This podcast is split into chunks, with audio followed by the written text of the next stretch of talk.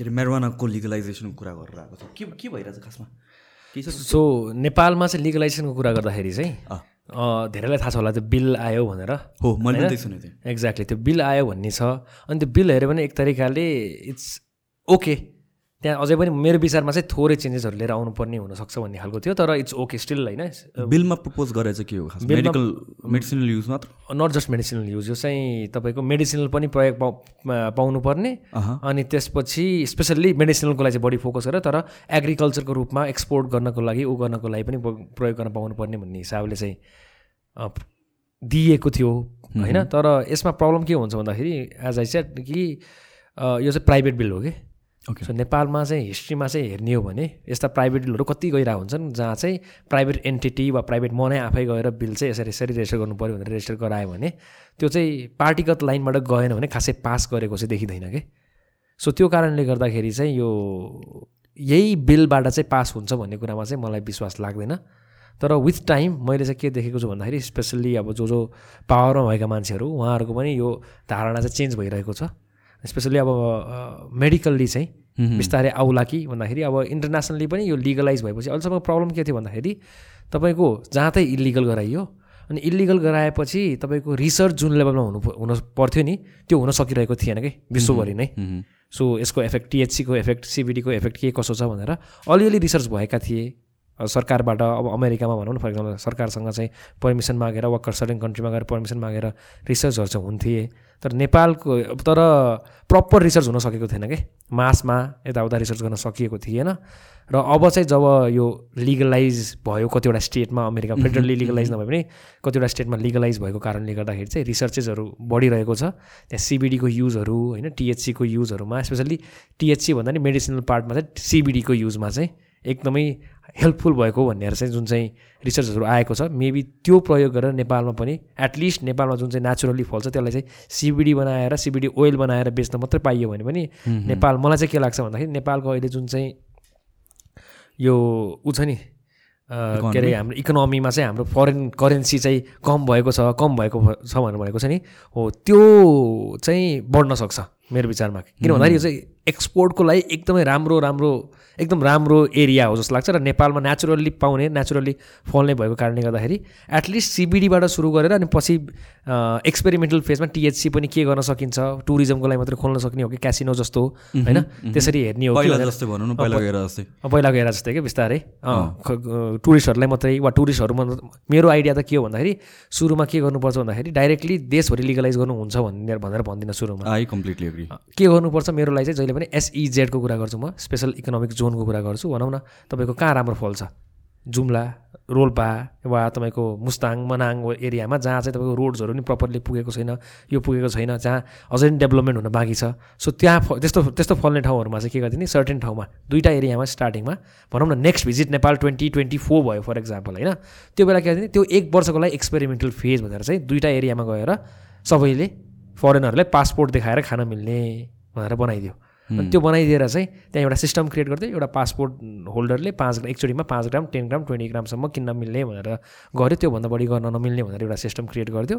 अनि त्यहाँ चाहिँ हामीले म्यानेज गर्न सक्यौँ भने अरू ठाउँ अनि बढाउँदै गयो। अनि त्यो भयो भने चाहिँ के हुन्छ भन्दाखेरि यो जुन चाहिँ ठाउँ हामीले अन्डर डेभलप भनेको ठाउँ छ नि त्यहाँ अटोमेटिकल्ली क्यास क्रपको थ्रुबाट होटलहरू बस्ने बन्ने. ऊ भन्ने बाटो बनाउनु पऱ्यो वा ट्रेकिङ रुटै बनाउन सकिन्छ प्रपर खालको एउटा त्यहाँ होइन? सो त्यो सबै बनाएर इकोनोमिकल्ली पनि राम्रो हुने। नेपालको फ्री प्रमोसन अहिले जुन तरिकाले भिजिट नेपाल ट्वेन्टी ट्वेन्टीको कहाँ कहाँ कहाँ गएर पैसा खर्च गर्नु पर्छ पर्दै पर्दैन।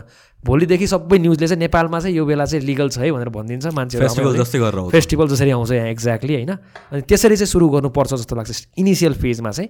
अनि त्यो सक्सेसफुल भयो हामीले म्यानेज गर्न सक्यौँ भने मेबी मुभ अरू अरू ठाउँमा एक्स्ट्रा गर्न सकिन्छ कि मेडिकल्ली अब हामीले कन्ट्रोल गर्न सक्छौँ कि भनेर हेर्ने। अब सकिएन भने maybe we have to wait भनेर डिसाइड गरेर त्यसपछि अझै होमवर्क गर्न लाग्नुपर्छ होला सायद। या मैले जोसँग पनि कुरा गर्दा चाहिँ most people are very positive यो इन्टेलेक्चुअल पिपलहरू भनौँ या चाहिँ पोलिटिक्समा भएको मान्छेहरूसँग कुरा गर्दाखेरि चाहिँ I think that's how it should be legalize गर्नुपर्छ इभेन्चुली हाम्रो स्ट्रेङ्थ हो भने चाहिँ भन्नुहुन्छ। र स्पेसली एग्रिकल्चरको फिल्डको मान्छेहरूले पनि लाइक हुन्छ नि हामीले आउटडेटेड एग्रिकल्चर गरेर छौँ अरे क्या। होइन जुनको मेबी बाहिर त्यतिको एक्सपोर्ट गर्दाखेरि त्यतिको मेबी डिमान्ड छैन होला।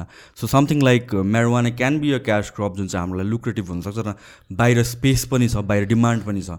होइन सो त्यसरी चाहिँ मेबी प्रमोट गर्न सकिन्छ भन्ने कुराहरू छ कि?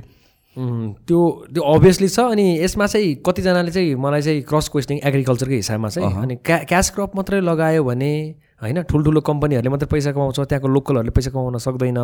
प्लस जुन चाहिँ राइस उमार्छ नि राइसहरू यो बार्ली व्हिटहरू जुन चाहिँ फलाउँछ त्यो पनि रोकिन्छ हराइन्छ। हराउँछ भनेर भन्छ। त्यसैले त्यसलाई कन्ट्रोल गर्नको लागि चाहिँ एउटा फ्यामिलीले जति ओन गर्छ नि लाइसेन्स लिने बेला लाइसेन्सको बिना त गर्नु मिलेन लाइसेन्स लिने बेला चाहिँ यति मात्रै।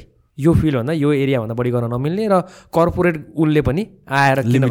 यदि यदि एकदम लिमिटेसन वा त्यहीँ खोलेको कम्पनी हुनु। त्यहाँ एउटा ब्रान्च हुनुपर्ने नत्र नमिल्ने खालको तरिकाले चाहिँ एउटा सर्टेन कन्ट्रोलिङ मेकानिजम पनि राख्नुपर्छ यो बिलमा पनि त्यस्तै छ भनेर सुनेको थियो एउटा फ्यामिलीले यतिवटा मार्न मिल्ने काइन्ड अफ होइन? यतिवटा भन्दा पनि यतिवटा उसमा चाहिँ एरियामा? एरियामा फलाउन मिल्ने भन्ने हिसाबमा चाहिँ बिलमा कुरा गरिएको छ। ओके सो यो बिल प्राइभेट एन्टिटीले गरेको कारणले चाहिँ आई मिन लाइक चेन्ज हुन गाह्रो छ भनेर भन्यो नि तिमीले। हजुर। लाइक फर इक्जाम्पल जे केसमा पनि यस्तै हो private एन्टिटीबाट it has to come from एउटा पोलिटिकल ब्याकग्राउन्ड या पार्टीबाट सो यसलाई लजिकल भयो भने? होइन लजिकल भयो भने हो नहुनु भन् नहुनु पर्ने कारण छैन भनिन्छ तर जेनरली।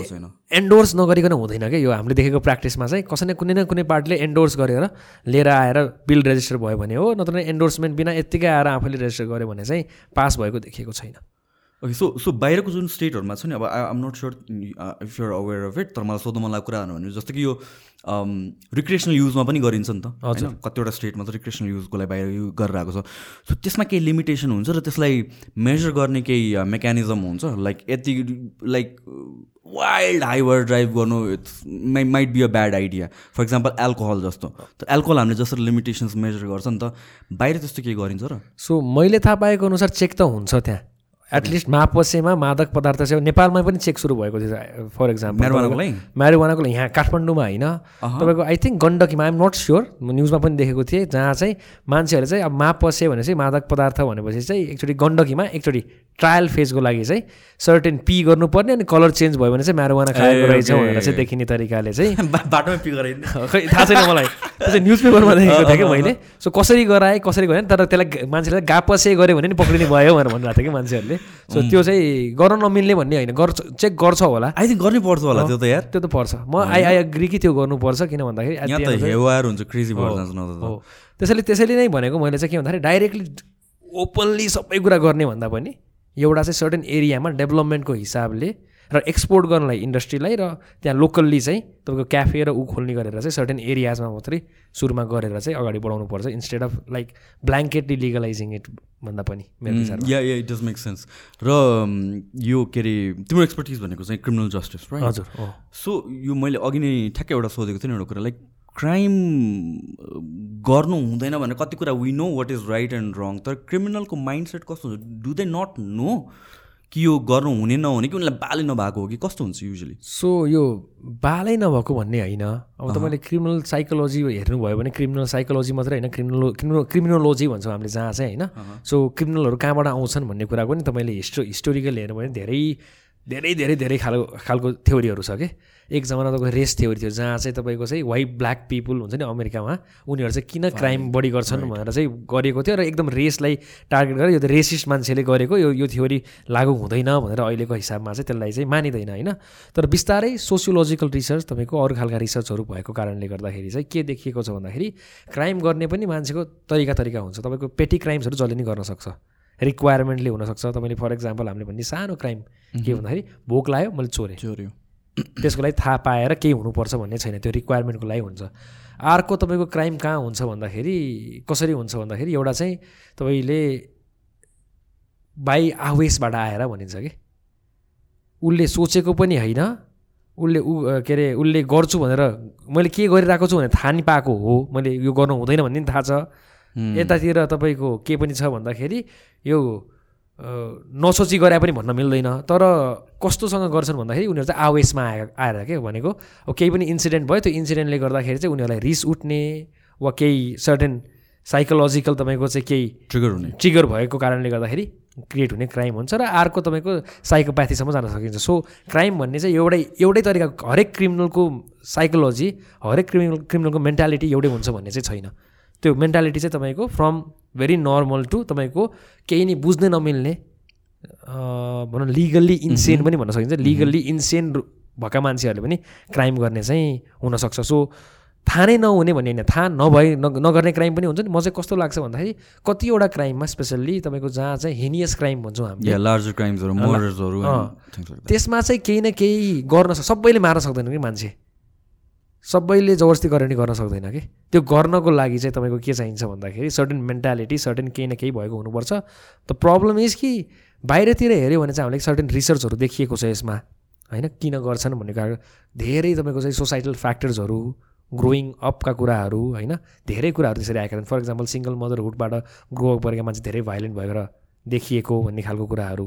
केही एनी रिजन बिहाइन्ड द्याट त्यो चाहिँ तपाईँको अब एकजना अब थाहा छैन तर के भन्छ भने फादर फिगर नभएको कारणले गर्दाखेरि कन्ट्रोलिङ फिगर नभएको कारणले गर्दाखेरि डिसिप्लिनरी फिगर नभएको कारणले गर्दाखेरि सबैजना हुन्छ भन्ने छैन अभियसली त्यसमा। अफकोर्स तर के हुन्छ भन्दाखेरि त्यहाँ चाहिँ मान्छेहरू चाहिँ ऊ हुन सक्ने। मोस्ट लाइकली मोस्ट लाइकली भन्दा पनि मोस्ट लाइकली भन्दा पनि माइनोरिटी त माइनोरिटी हुन्छन् उनी क्राइम गर्ने मान्छेहरू तर त्यो क्राइम गर्ने मान्छे मध्ये चाहिँ धेरैकोमा चाहिँ तपाईँको त्यस्तो सोसाइटल फ्याक्टर देखिएको अमेरिकामा चाहिँ भनेर देखियो होइन?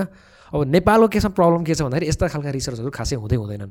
मान्छे जेलमा गएको छ गयो जेलमा बस्यो सिद्ध्यायो आयो भन्ने छ कि? किन गयो?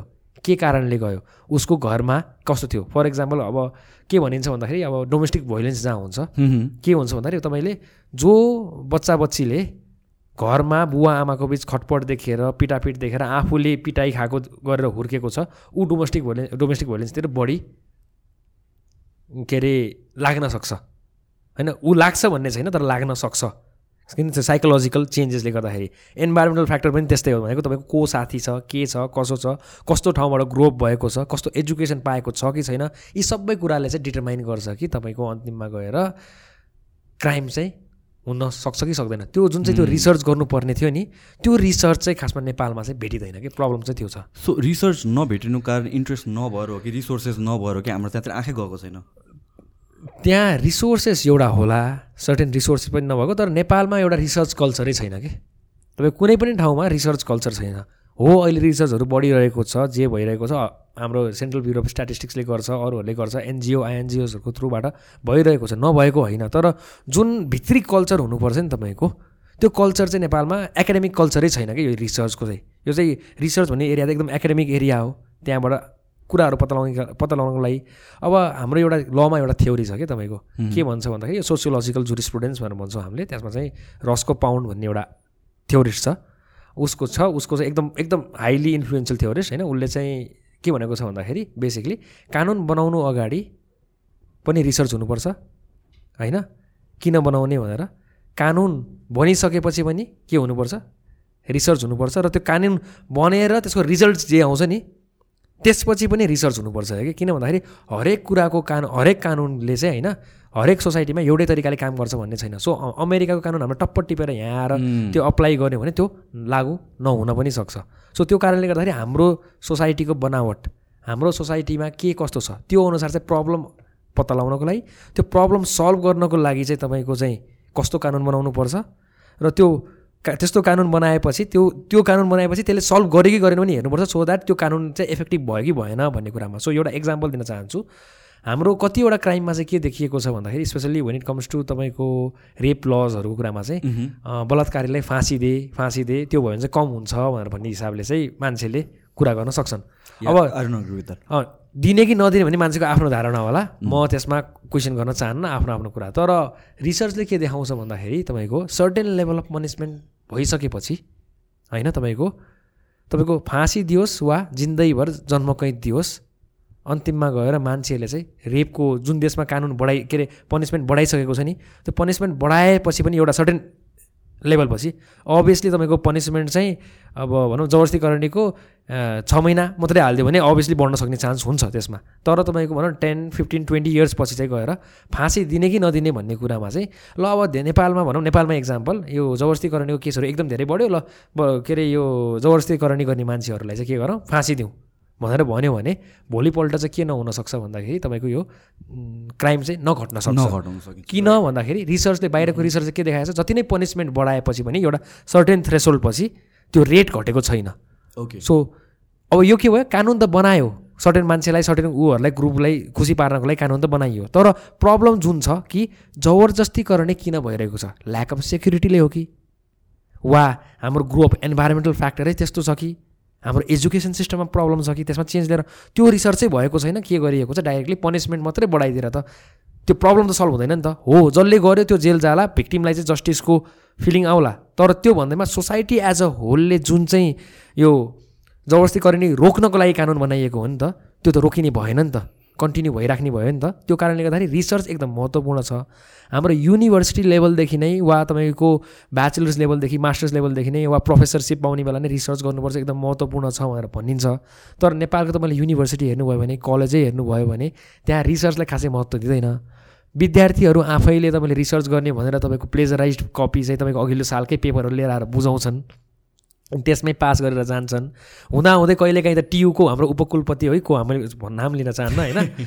उहाँको पनि पे पेपर चाहिँ तपाईँको चाहिँ के भएको प्लेजरिजम गरेको भेटिएको चाहिँ त्यो यो आजभन्दा तिन चार वर्ष चार चार पाँच वर्ष अगाडि चाहिँ आएको थियो। टियुको एउटा मैले एक्ज्याक्टली पोजिसन बिर्सेँ तर summon in a very very high post right तत्कालीन अहिलेको होइन तत्कालीन पोस्टमा हाई पोस्टमा रहेका मान्छेको चाहिँ प्लेजरिजममा पक्राउ परेको भनेको छ जहाँ चाहिँ उहाँले चाहिँ आफैले पेपर लेख रिसर्च गराएन कि अर्काको लिएर आएको छ। सो त्यो कल्चरै डेभलप भएन भने तपाईँको के हुन्छ भन्दाखेरि त्यही कल्चर डेभलप नभएपछि चाहिँ के भयो? तपाईँले जुन चाहिँ क्रिमिनल साइकोलोजी नेपालमा किन भइरहेको छ भनेर हामी फुल सर्कल न।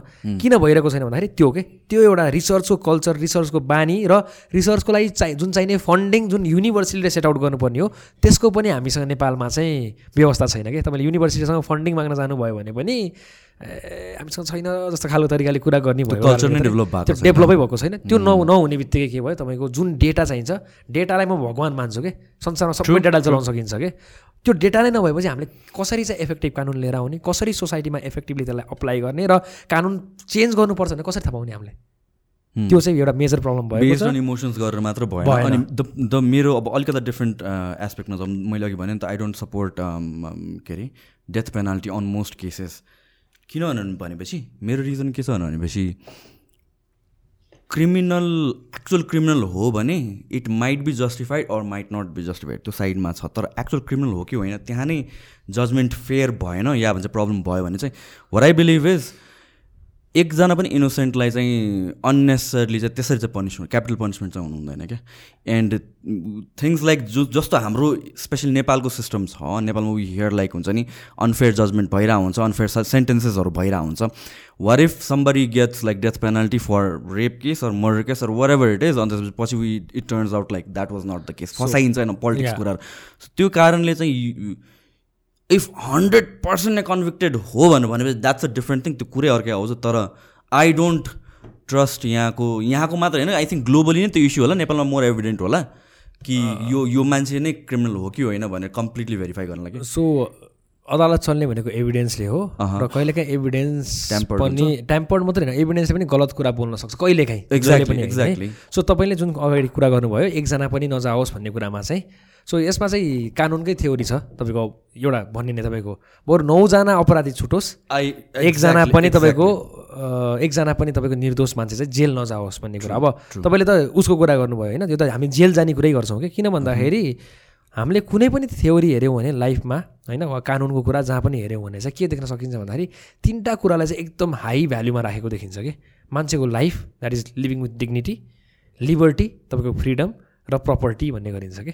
यी तिनवटा कुरा चाहिँ हरेक मान्छेलाई आफूलाई बाँच्नको लागि प्रपर्टी भनेको कलेक्सन अफ राइट्स होइन? यी तिनवटा कुरा चाहिँ हरेक मान्छेलाई बाँच्नको लागि चाहिन्छ भन्छ कि?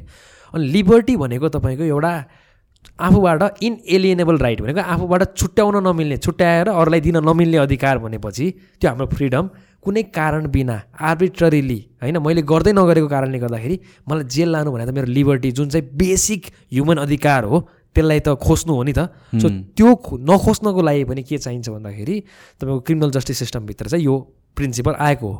त्यसैले नै हाम्रो कानुनले हेर्ने हो भने के देखिन्छ भन्दाखेरि तपाईँको सिभिल लमा चाहिँ के देखिन्छ पनिस के अरे एभिडेन्स चाहिँ एकातिरको मान्छेले फिफ्टी वान पर्सेन्ट भारी छ अर्कोतिर फोर्टी वान पर्सेन्ट भारी एभिडेन्स छ भने फिफ्टी वान पर्सेन्टले जित्छ। मुद्दा। तर क्रिमिनल ल जहाँ चाहिँ तपाईँको लिबर्टी खोसिन सक्छ त्यहाँ चाहिँ के भनिन्छ हामीले बियोन्ड रिजनेबल डाउट भनेर भनिन्छ कि? अनि यो बियोन्ड रिजनेबल डाउट प्रुभ गर्नुपर्छ कोर्टलाई भनेर भन्दाखेरि चाहिँ के हो भन्दाखेरि तपाईँको एकातिर फिफ्टी वान अर्कोतिर फोर्टी नाइन भयो। मैले डिफेन्स गर्दाखेरि फोर्टी नाइन भयो। म म क्रिमिनल हो भने फोर्टी नाइन भयो र मलाई जसले मुद्दा हालिरहेको छ उसले चाहिँ फिफ्टी वान लिएर आयो भने भारको हिसाबमा त्यो फिफ्टी वानले जित्दैन कि? ओके के के हुनुपर्छ भन्दाखेरि भार पनि तपाईँको अब नेपालमा यसको पनि रिसर्च छैन तर तपाईँ केम्ब्रिजको एउटा रिसर्चले चाहिँ के देखाएको छ भन्दाखेरि जुरी मेट्रिक्स भन्छ लको स्ट्याटिस्टिक्स युज गरेर नाइन्टी वानदेखि नाइन्टी टू पर्सेन्ट स्योर हुनुपर्छ अरे। हन्ड्रेड पर्सेन्ट चाहिँ हुनु परेन किन सब हन्ड्रेड पर्सेन्ट हुन्छ भन्ने छैन। नाइन्टी टू पर्सेन्ट जज सु स्योर भएपछि मात्रै के गर्नुपर्छ अरे? तपाईँको चाहिँ मान्छेलाई चाहिँ क्रिमिनलले चाहिँ लायबल बनाउनु पर्छ हाइली सिग्निफिकेन्ट नै हुनु पऱ्यो त्यो कारणले गर्दाखेरि। सो त्यो हो तर अहिले के भइरहेको छ भन्दाखेरि तपाईँको नेपालको स्पेसली केसमा अब हुन त अदालतले जहिले पनि भन्दैन एकदम राम्रा राम्रा डिसिजनहरू एकदम राम्रो तर सर्टेन सर्टेन केसेसमा तपाईँले भने जस्तो नै के हुन्छ भन्दाखेरि अब for some reason like for example अस्ति एउटा रिसेन्ट केस थियो नि एकजना कसले सुसाइड गर्यो भनेर जेलभित्र। अरूको नाममा उसले त्यो सजाय काटिरहेको रहेछ अनि अब यस्तो हतपति नहोला हजारवटा केसमा एउटा होला तर you don't want that person to be you or your relative or family member नि त। अनि आई थिङ्क त्यो एम्पेथेटिकल पोइन्ट अफ भ्यूबाट हामीले त्यो आउट अफ रेज कुनै इन्सिडेन्ट भएपछि वी फर्गेट द्याट जस्तो लाग्छ क्या हो हो। अनि यसमा नै तपाईँले भन्नुभयो बाह्र वर्ष बिस वर्षको सजाय दिएको थियो एउटा मान्छेलाई बाह्र वर्षपछि अस्ति चाहिँ रियलाइज भयो कि त्यो मान्छे इन्भल्भै थिएन ह्युमन ट्राफिकिङमा भनेर। र उसलाई निकालियो तर he lost twelve years of life अनि? होइन? नेपालकै त्यो एउटा तपाईँले अस्ति भर्खरै सुन्नुभयो होला नेपालको एकजना इन्डियाको जेलमा forty years he was kept in forty jail for forty years without any reason अनि अस्ति भर्खर मात्रै निकालेर लिएर विदाउट एनी रिजन कि wrong evidence without any reason पाउँछ होइन कसैलाई थाहा नै थिएन। अनि उसको साथी जेलमा बसेको केही साथीले थाहा पाएपछि बाहिर निकाल्न खोजेर चाहिँ अनि त्यसपछि चाहिँ ए यो मान्छे यहाँ रहेछ भनेर फोर्टी इयर्स सो त्यस्तो हुनसक्छ। सो त्यो कारणले गर्दाखेरि चाहिँ यस्तो खालको ऊ चाहिँ कहिले पनि हुनु हुँदैन कि किनभने जस्टिस सिस्टम जति नै फेयर भए पनि जति नै टिप टप टप क्वालिटी भए पनि काहीँ न काहीँ there may always be an escape के? थोरै एउटा कुरा चाहिँ एस्केप हुनसक्छ र यो त स्पेसली युएसको सिस्टममा तपाईँले धेरै देखिनु भएको छ। सो सेभेन्टिज एटिजको धेरै मुद्दाहरूमा चाहिँ जहाँ मान्छेलाई कन्भिक्ट गरेर फाँसी दिइसकेको छ अहिले. तपाईँको डिएनए एभिडेन्स आएपछि चाहिँ के देखेको छ? ए त्यो मान्छे त होइन रहेछ भनेर देखिसकेको छ कि? अनि त्यसले पनि के देखाउँछ भन्दाखेरि फाँसी नै चाहिँ आन्सर चाहिँ होइन जस्तो लाग्छ भन्ने कुरा चाहिँ। भन्नाले हाम्रो हाम्रो यहाँ त झन् मोर त्यस्तो एरर अलि बेसी हुनसक्छ। किनभने? इन्भेस्टिगेटिभ जुन चाहिँ पाटो छ त्यो नै नेपालमा हुन त भन्ने बेला नेपाल पुलिस चाहिँ खतरा हो भनेर भन्न त भनिन्छ पोलिटिकल मान्छेले। इन्फ्लुएन्स यहाँ बेसी छ जस्तो लाग्छ अँ, मलाई तर भने तापनि तपाईँको इन्भेस्टिगेसनको हिसाबमा चाहिँ। कतिवटा कुरा चाहिँ अझै हामीसँग अभाइलेबल छैन कि? इन्भेस्टिगेटिभ मेथोलोजीहरू अब क्रिमिनल तपाईँको साइबर लकै कुरा गऱ्यो भने वा तपाईँको सर्टेन साइ के अरे तपाईँको क्राइमको फोरेन्सिक्सको कुरा गऱ्यो भने सर्टेन हामी अझै पनि ल्यागिङ चाहिँ छौँ पछाडि। सो त्यो कारणले गर्दाखेरि चाहिँ I don't think it's a right thing for Nepal यार I think we as public पनि इन इन त्यो एउटा रेजले ओभरटेक गरेर आएको बेलामा हामीले एम्पथी बिर्सिन्छौँ कि? लाइक हाम इट क्यान बी अस भनेर पनि होइन त्यही त्यही that one innocent person out of like लाखौँमा एकजना इनोसेन्ट पर्सन पनिस हुनु र त्यो त्यो हिसाबले सिस्टम ट्याम्पर हुने हो भने where that things like that can bypass भोलि गएर जो हामीहरू पनि फस्न सक्छौँ भन्ने कुराहरू लाइक थिङ्स लाइक मैले अघि भने नि I am against social media justice के म मोस्ट केसेसमा चुप लाएर बस्छु। अम, र नेपालमा कस्तो भन्यो भने चाहिँ इन्फ्लुएन्सर्सहरूलाई चाहिँ बिगर इन्फ्लुएन्सर्सहरूलाई चाहिँ जहिले प्रेसर हुन्छ बोल बोल बोल बोल बोल बोल भनेर इट्स नट लाइक अब रेप भयो या मर्डर भयो भनेर भनेपछि I don't think any person would say कि no I support rape or I support murder भनेर। तर जानी नबुझी नजानी नबुझिकन बोल्न पनि अलिकति नमिल्ने कुरा हो र I think things like these should be left to the experts होइन? अब मलाई कति कुराहरू थाहा छ होला बेस्ड अन सुनेको कुरा पढेको कुरा न अल द्याट थिङ तर I think if you are handling the case you know much more bet much better than me या कोर्टलाई थाहा हुन्छ होला त्यसको बारेमा बेसी. र मैले प्रेसराइज गर्दाखेरि does it affect the justice or त्यो जजमेन्ट इन द कोर्ट अब सोसियल मिडिया प्रेसरले गरेर अब यो यो एकदम सिरियस टपिक हो कि हुन चाहिँ। अब किन भन्दाखेरि फर्स्ट अफ अल चाहिँ हामीले कहिले पनि ज जजमेन्ट र कोर्टलाई चाहिँ कहिले पनि बाहिर आउटसाइड फ्याक्टर्सले कहिले पनि के अरे इन्फ्लुएन्स गर्नु हुँदैन भनेर भनिन्छ। र दोस्रो कुरा के भनिन्छ भन्दाखेरि तपाईँको मिडिया ट्रायल इट्सेल्फ जुन भन्छ नि मिडियाको थ्रुबाट मान्छेको नाम निकाल्ने मिडिया ट्रायल यो यो इट्सेल्फ चाहिँ तपाईँको अदालतको अवहेलना हो। यो अदालतमा कुनै पनि विचाराधीन मुद्दा छ भने त्यो मुद्दालाई चाहिँ अफेक्ट गर्ने तरिकाले कुनै पनि वक- वक्तव्य दिनु कुनै पनि कुरा गर्नु भनेको चाहिँ तपाईँको अदालतको अवहेलना हो भनेर भन्ने गरिन्छ त्यो गर्न पाइँदैन भनेर भनिन्छ होइन तर नेपालमा चाहिँ के हुन त अब ग्लोबली नै आई थिङ्क यो रिसेन्ट। इयर्समा त एकदमै विथ द न्यू हो अब अब. यसमा फेरि दुईवटा फ्याक्टर छ कि सर्टेन साइडमा साँच्चै भिक्टिम हुन्छ अनि उसलाई चाहिँ जस्टिस सिस्टमले जस्टिस दिन नसकेको खण्डमा चाहिँ के हुन्छ त्य- त्यतिखेर चाहिँ। त्यति त्यतिखेर बोल्नु पर्ने र प्रेसर हाल्नु पर्ने एउटा पाटो हुन्छ तर लाइक म म ठ्याक्क रोकेँ लाइक अस्तिको केसमा जुन भयो नि त स्ट्याच्युट अफ लिमिटेसन वान इयरबाट Exactly. हटाउनु पर्छ त्यसमा भोइस आउट गर्नु इज द बेस्ट थिङ. गर्नु ठिक हो तर बट देन केस नै बिल्ड गरिदिनु हुँदैन जस्तो लाग्छ। कि केस पुग्न देऊ पहिला अनि त्यहाँ जस्टिफाई भएन भने केस बिल्ड गर्नुपर्छ जस्तो लाग्यो कि मलाई चाहिँ। सो के हुन्छ भन्दा त्यसरी voice निकाल्नलाई it's it should always be there तर जस्टिस सिस्टम इट सेल्फले चाहिँ त्यो भोइसलाई सुन्ने हो र के गर्न सकिन्छ भनेर हेर्ने हो तर त्यो भोइसबाट इन्फ्लुएन्स भएर चाहिँ आफ्नो जस्टिस दिने दिने काम चाहिँ गर्नु हुँदैन। तर अहिले चाहिँ के भन्ने गरिन्छ भन्दाखेरि कतिचोटि अब कुनै पनि जजले अब फाइनल जजमेन्ट दिनु अगाडि चाहिँ तपाईँको के हुन्छ क्रिमिनल केसमा चाहिँ मान्छेलाई चाहिँ जेलमा रा के अरे तपाईँको कस्टडीमा राख्ने कि नराख्ने? फाइनल हियरिङ भइसकेसम्म थुनचेकको आदेश भनेर भन्ने गरिन्छ कि? त्यो लास्ट सबै सकिसकेपछि। होइन त्यो हुनुभन्दा अगाडि केस हुनुभन्दा अगाडि। कस्टडीमा क्वेसनिङ भइसक्यो अब फाइनली हेरिङ हुन बाँकी छ। यो बिचको पिरियड जुन छ नि. त्यतिसम्मको लागि चाहिँ तपाईँको कस्टडीमै राखेर हियरिङ गराउने कि भाग्न सक्छ कि सक्दैन अरू फ्याक्टर छ कि छैन भन्ने हिसाबमा कि तपाईँको चाहिँ यो मान्छे दोषी देखिँदैन सो त्यसलाई चाहिँ धरौटीमा छोडिदिने वा साधारण तारिकमा छोडिदिने भन्ने डिसिजन हुन्छ। आजकल चाहिँ के हुन थालेको छ यस्तो भनिन्छ कि के भन्दाखेरि यस्तो आदेश दिनु अगाडि चाहिँ जजले चाहिँ जेनरली यस्तो बाहिर हेरेर कति आन्दोलन छ बाहिर हेरेर भनेपछि त्यसले त इन्फ्लुएन्स गरिरहेको छ नि थोरै। राइट एटलिस्ट मब जस्टिसले पनि. अब मब जस्टिसले जहिले नि गलत काम गर्छ भन्ने छैन। होइन? यो एक्टिभिजम मब जस्टिसले सबै जहिले नि गलत काम गर्छ भन्ने छैन। त्यसले चाहिँ के क्रिएट गर्छ भन्दाखेरि सर्टेन ठाउँमा जसले जस्टिस पाएको छैन भिक्टिमहरूले जस्टिस पाउने एउटा बाटो खुलाइदिन्छ। तर अन दि अदर ह्यान्ड के हुन्छ भन्दाखेरि यही मब जस्टिसले के गर्छ भन्दाखेरि रङ ठाउँमा पनि रङ मबहरू परिचालन भयो भने चाहिँ त्यही हिसाबमा चाहिँ जो चाहिँ पर्पेटेटर हो त्यो छुट्न सक्ने पनि स्थिति हुनसक्छ। या पोलिटिकल इन्फ्लुएन्स या भने be it an influence of power or money त्यसले गरेर पनि त मब क्रिएट गर्न सकिन्छ नि त। मनी हो। पावर। फ्यान्डम जे पनि हुनसक्छ तपाईँको यो चाहिँ। यसले चाहिँ मब क्रिएट गरेर हुन दुइटै पाटो यहाँ जस्टिस दिइरहेको छ यहाँ चाहिँ त्यही प्रयोग गरेर मिसयुज गरेर चाहिँ के भइरहेको छ जस्टिस जहाँ पाउनु पनि त्यसलाई रोकिराखिएको छ कि? सो. त्यो एकदम हुन सक्ने चाहिँ सम्भावना भएको कारणले गर्दा जेनरली यसमा चाहिँ म सोसियल मिडिया जस्टिस भन्दा पनि सोसियल मिडियामा चाहिँ कुरा गर्ने हो यो चेन्ज फर इक्जाम्पल हो statute statute of limitation change गरौँ भनेर भनौँ. तर डाइरेक्टली मान्छेलाई दोषी ठहराएर चाहिँ डाइरेक्टली भन्यो भने चाहिँ मेबी तपाईँ दसवटा केसमा पाँचवटा केसमा राइट हुनुहुन्छ होला भने पाँचवटा केसमा चाहिँ रङ पनि हुन या सेम? थिङ अघि भने जस्तो नौजना भर्सेस एकजना एउटै केसमा रङ भयो भने पनि it's not fair for that person र भोलि त्यस त्यो केसमा जो पनि पर्न सक्छ भन्ने कुरा हो कि अब केसमा कोर्ट गइसक्यो अनि त्यसपछि एकदम अनफेयर भयो अनि त्यसपछि त्यस्तै केही भयो भने त्यसमा भोइस आउट गर्नु पछि अर्कै कुरा हो। तर केस पुग्नभन्दा अगाडि नै केसलाई चाहिँ भोइस आउट गर्नु जरुरी छ बट देन भिक्टिम नै I mean like cry criminal नै यो हो भनेर चाहिँ त्यो बोलिदिनु हुँदैन जस्तो त्यो अदालतलाई।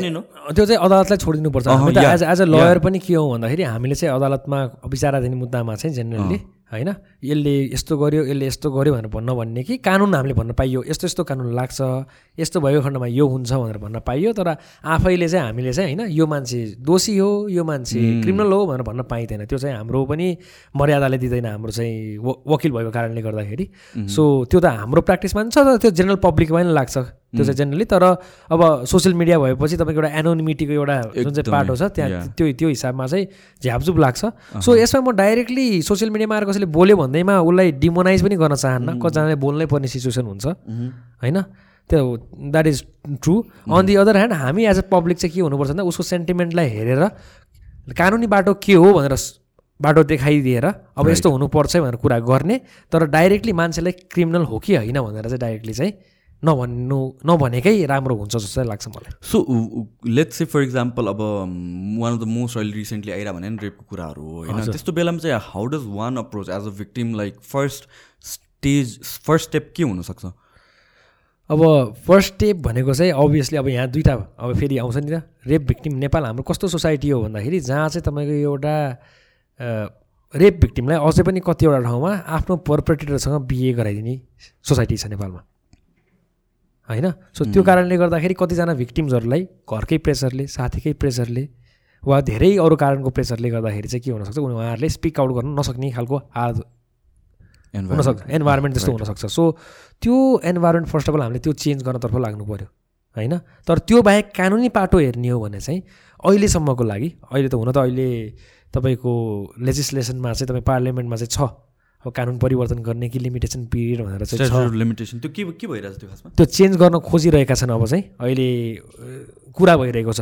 उहाँ चाहिँ डिस्कसन भइरहेको छ पार्लियामेन्टमा सो होपफुल्ली अब मेबी यो एपिसोड सिद्धिन्जेलसम्म चेन्ज भइसक्यो नि हुनसक्छ वा चेन्ज नहुने भनेर डिसिजन आइसक्यो नि हुनसक्छ। आई डोन्ट नो है। त्यो स्टिल डिबेटेड डिबेटेडमै छ। होइन। सो सर्टेन पार्टीहरूले चाहिँ हुनु हुँदैन फेरि धेरै केस आउँछ भने त्यसको नि दुइटै पक्ष छ कि? स्ट्याचुटरी अफ लिमिटेसन किन छ र किन हुनु हुँदैन भन्ने कुरामा दुइटै पक्ष छ। सो त्यो भयो होइन। अनि त्यो तपाईँको त्यति टाइमभित्र अहिले चाहिँ अहिलेको लागि एक वर्ष छ।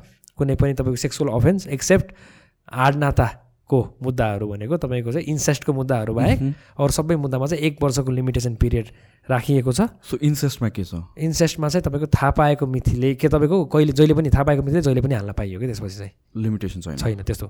सो यसमा चाहिँ के भयो भन्दाखेरि तपाईँको अब कस्तो भयो भन्दाखेरि वान इयरभित्र गएर प्रहरीलाई जाहेरी दिनु पऱ्यो ए रेगुलर केसेस रेगुलर केसेसमा वान इयरभित्र प्रहरीलाई गएर जाहेरी दिनु पऱ्यो त्यसपछि प्रहरीले हेर्छ बुझ्छ अनि त्यो बुझेर चाहिँ त्यो मान्छेलाई जसलाई चाहिँ ज- जसको विरुद्ध जाहेरी दिइएको छ त्यो मान्छेलाई बोलाउँछ।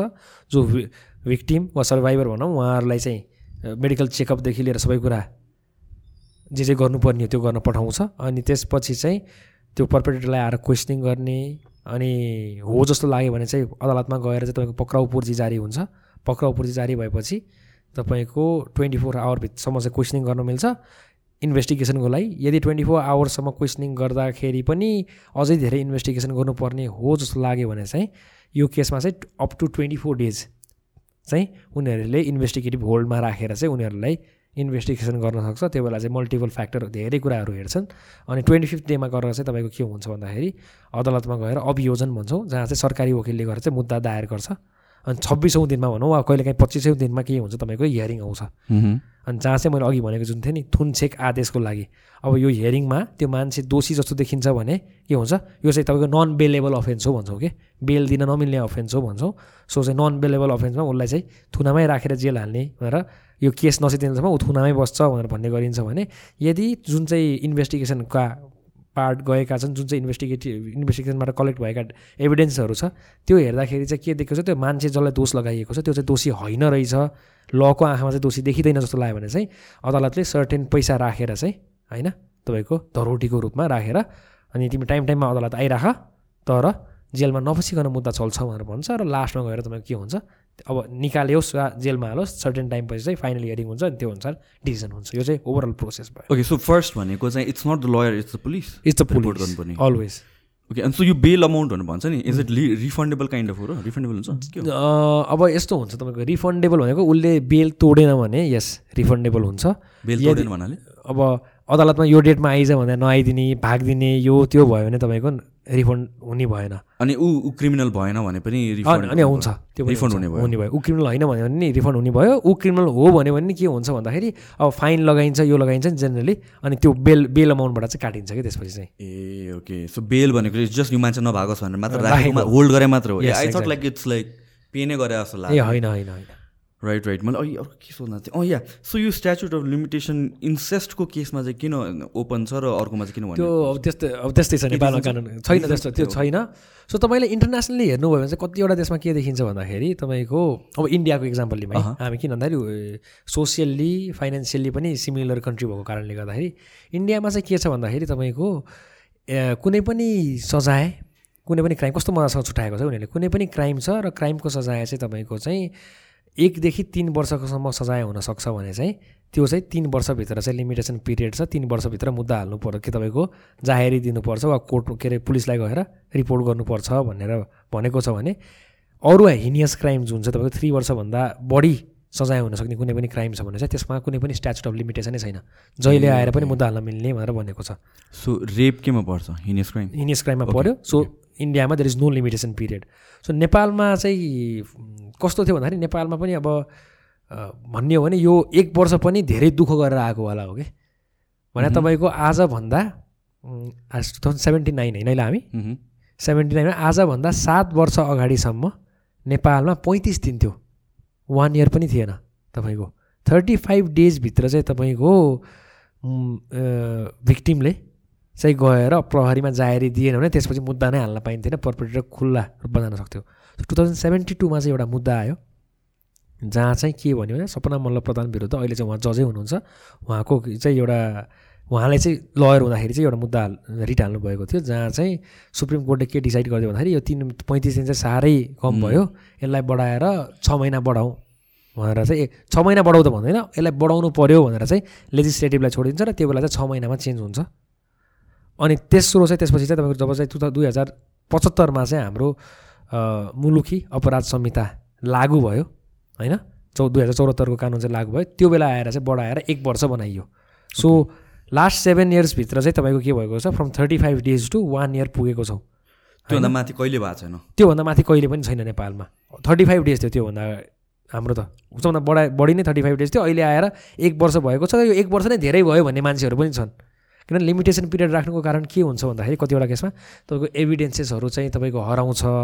अब यो स्पेसल्ली यो जबरजस्तीकरण सम्बन्धीको मुद्दामा चाहिँ तपाईँको फिजिकल एभिडेन्स एकदम महत्त्वपूर्ण भनेर भन्ने गरिन्छ। मेडिकल रिपोर्टहरू एकदम महत्त्वपूर्ण भन्ने भन्ने गरिन्छ गरिन्छ होइन।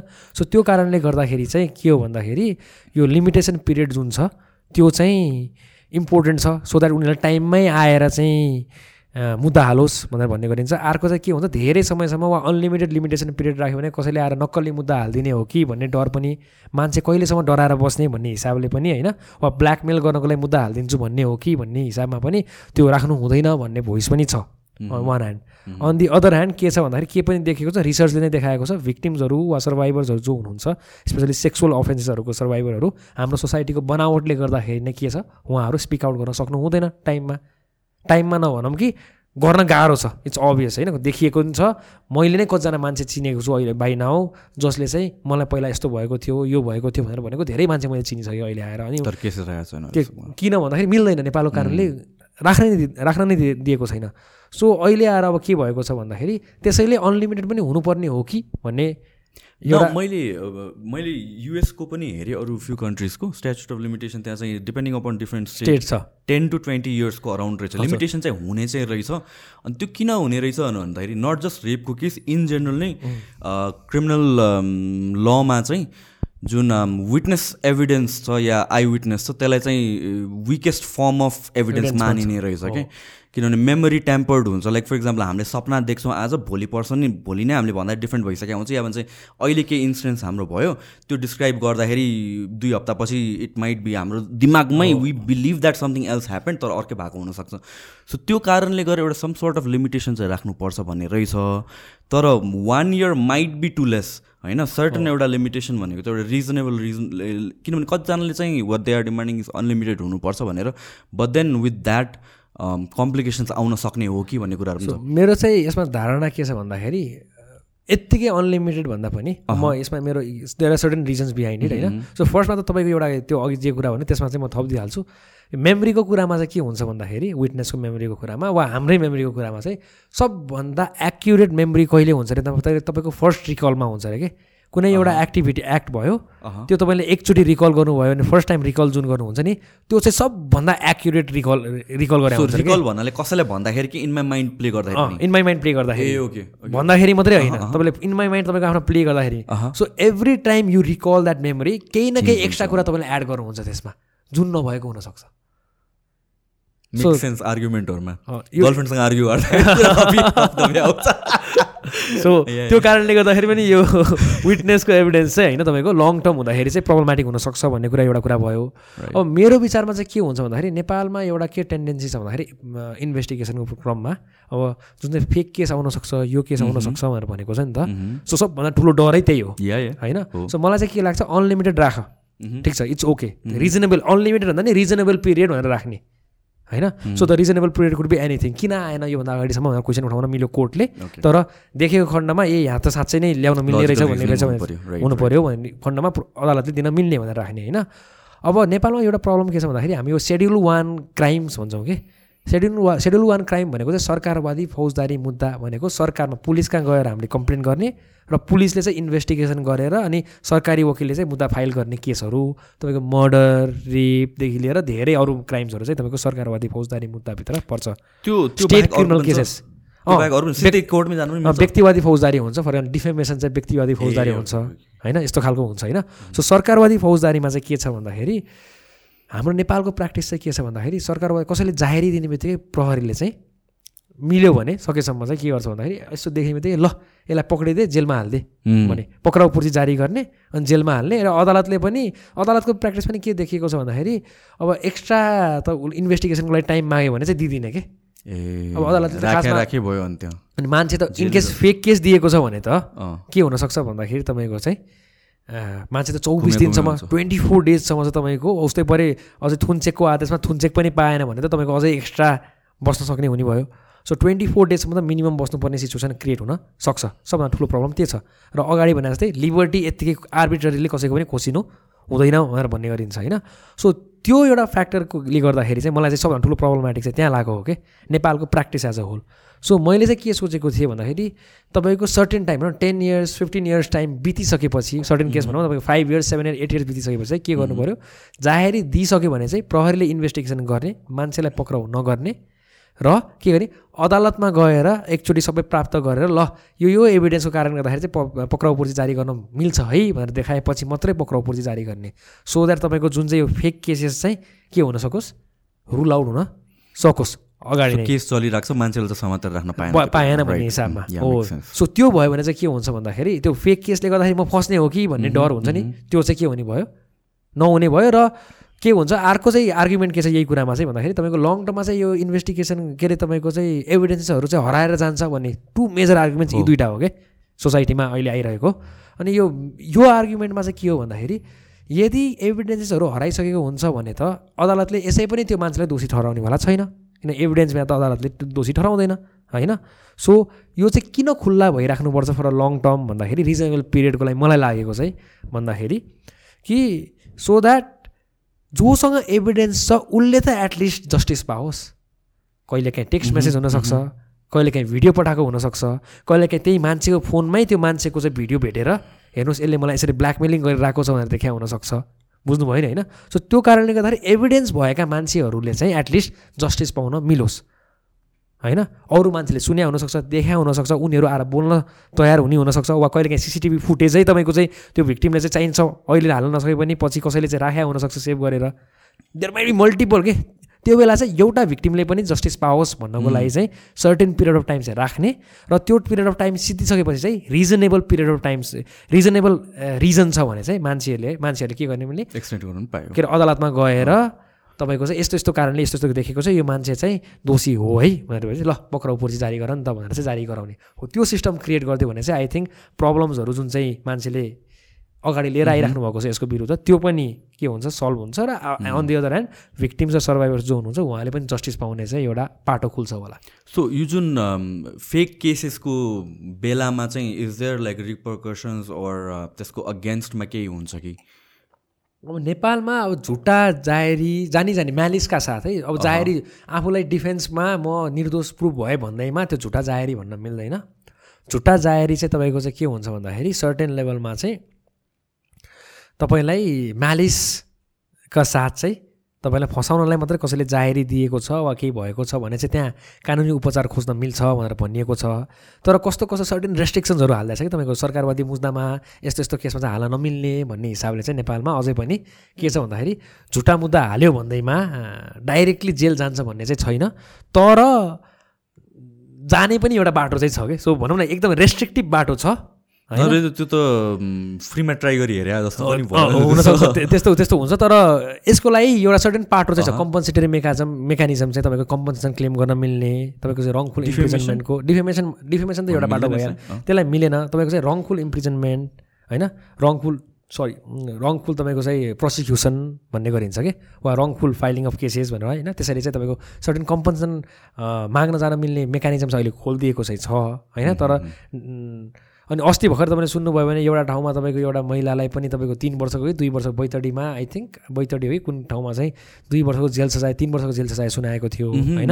अब त्यो केस फेरि अर्कै हो त्यसमा नजाउँ फेरि कम्प्लिटली डिफ्रेन्ट छ त्यो। त्यहाँ चाहिँ अर्कै कारणले भएको हो अर्कै कानुनले गर्दाखेरि होइन? तर रङफुल कम्प्लेनमा कानुन त छ गर्न मिल्ने तर त्यो नि रेस्ट्रिक्टिभ चाहिँ छ कि? धेरै ठाउँमा चाहिँ यसले रङफुल गर्यो भनेर प्रुभ गराउनै गाह्रो हुने खालको एउटा सिचुएसन चाहिँ क्रिएट गरिदिएको छ। किनभने आई थिङ्क यो मेकानिजमहरू चाहिँ स भयो भने चाहिँ आई थिङ्क झन् it will only help the victims of a rape कि? हजुर। होइन? आई थिङ्क झन् मोर त्यो केसेसलाई सिरियसली लिइन्छ जस्तो लाग्छ। किनभने राइट नाउ भन्ने भनिन्छ नि त अब केटालाई जे भने पनि हुन्छ काइन्ड अफ भनेर। चाहिँ मान्छेले अलिकति सिरियसली नलिया हो कि अलिक डिफेन्सिभ नै भइदिया हो कि भोइस उठ्ने बित्तिकै भन्ने कुराहरू आउँछ। तर I think if there is a mechanism for it त्यो अलिक फिल्टर होला कि भन्ने जस्तो लाग्छ कि मलाई चाहिँ। मैले भन्न खोजेको छु अब त्यो मेकानिजम हो तर फेरि यसको अन दि अदर ह्यान्ड के पनि भन्न सक्छन् भन्दाखेरि अब हरेक यस्तो केसमा चाहिँ डिफेमेसनको मुद्दा लाने हो भने रङफुल केस हाल्यो भनेर मुद्दा लाने हो भने त भिक्टिमहरूले पनि भोइस त उठाउनै सक्दैन नि भन्ने पनि प्रुभ गर्न आर्ग्युमेन्ट सकिएन भने प्रुभ गर्न सकिएन। त्यसैले त्यसको लागि रेस्ट्रिक्सन चाहिँ राख्नुपर्छ। हरेक केसमा Hmm. कोही मान्छे डिफेन्स हुने बित्तिकै नै त्यसमा चाहिँ रङफुल प्रोसिक्युसनमा जाने एउटा बाटो क्रिएट गर्नु हुँदैन। के देखाउनु सक्नुपर्छ मेबी रङफुल प्रोसिक्युसन र रङफुल यो कम्प्लेन्टको केसमा चाहिँ हामीले चाहिँ म्यालिस के क्लियर एन्ड प्रपर म्यालिस देखाएर यो मान्छेको चाहिँ म्यालिस थियो त्यो कारणले गर्दाखेरि हालेको भनेर देखाउन सकेको स्थितिमा मात्रै त्यस्तो हुनुपर्छ। नत्र भने चाहिँ यत्तिकै रङफुल उसको चाहिँ तपाईँ एटलिस्ट क्रिमिनल केसको अन्तर्गत मेबी कम्पन्सेटरी मेकानिजमको अन्तर्गत चाहिँ जाने एउटा बाटो खोलिदियो भने त्यसमा प्रब्लम भएन। तर नेपालमा चाहिँ जेनरली जे पनि क्रिमिनल केसमै लैन्छ कि सो क्रिमिनल केसको अन्तर्गत लाने हो भने चाहिँ क्लियर र प्रपर म्यालिस बिना चाहिँ कुनै पनि केसमा चाहिँ तपाईँको रङफुल के अरे तपाईँको एफआइआर वा रङफुल प्रोसिक्युसन भनेर चाहिँ गइहाल्नु बाटो खोलिहाल्नु हुन्छ जस्तो पनि लाग्दैन मलाई चाहिँ त्यो। लिगल सिस्टम नेपालमा कतिको स्ट्रङ छ यार? म यो चाहिँ क्वेसन गर्छु कि? For example in terms of मलाई मसँग कसैको रिस छ and that person has let's a political power or any kind of power भनेर भनेपछि मैले जस्टिस पाउँछु कि पाउँदिनँ? र त्यो hundred percent maybe hundred percent त हुँदैन होला तर कतिको स्ट्रङ छ इन द्याट केस मेरो राइट्स कतिको प्रिजर्भ छ? अब लिगल सिस्टम नेपालमा अब यो मैले भन्न मिल्छ किन भन्दाखेरि सर्वोच्च अदालतकै एउटा रिस- रिसर्च गरिएको थियो त्यसमै आएको कुरा हो कि लिगल सिस्टम नेपालको जुन छ त्यसमा चाहिँ ऱ्याम्पन करप्सन छ भनेर भन्ने गरिन्छ। त्यो चाहिँ मैले मैले भने भने फेरि अदालत अ- अवहेलना होला भनेर मैले साइड गरेको। हाम्रो एक्स चिफ जस्टिसहरूको एउटा रिपोर्टै बनाइएको थियो। त्यसमा चाहिँ क्लियरली लेखिएको छ कि करप्सनहरू देखिएको छ भन्ने कुरामा। सो सबै केसमा करप्सन हुन्छ भन्ने छैन होइन? तपाईँको के हुन्छ भन्दाखेरि ninety five percent of the केसेसमा चाहिँ तपाईँको चाहिँ राम्रो डिसिजन आउँछ। तपाईँले चाहिँ के गर्न सक्नुहुन्छ भन्दाखेरि you you will get justice when required भन्ने खालको तरिकाले कुरा गर्न सक्यो। तर त्यो मिडियामा हाइलाइट हुने त्यो जुन त्यो फाइभ पर्सेन्ट केसेस छ नि किनभने पन्चानब्बे प्रतिशतमा हुन्छ क्या? हामीले पनि त प्र्याक्टिसमा देखेका छौँ नि त। तर त्यो फाइभ पर्सेन्ट केसेस चाहिँ तपाईँको कहिलेकाहीँ चाहिँ प्रब्लमेटिक चाहिँ हुन्छ। त्यहाँ पैसाको खेला पावरका खेला मुद्दै नलाइदिने तपाईँले त मुद्दा त पहिला त कोर्टमा जानु पऱ्यो नि त। प्रहरीले मुद्दै नलिदिने। ए।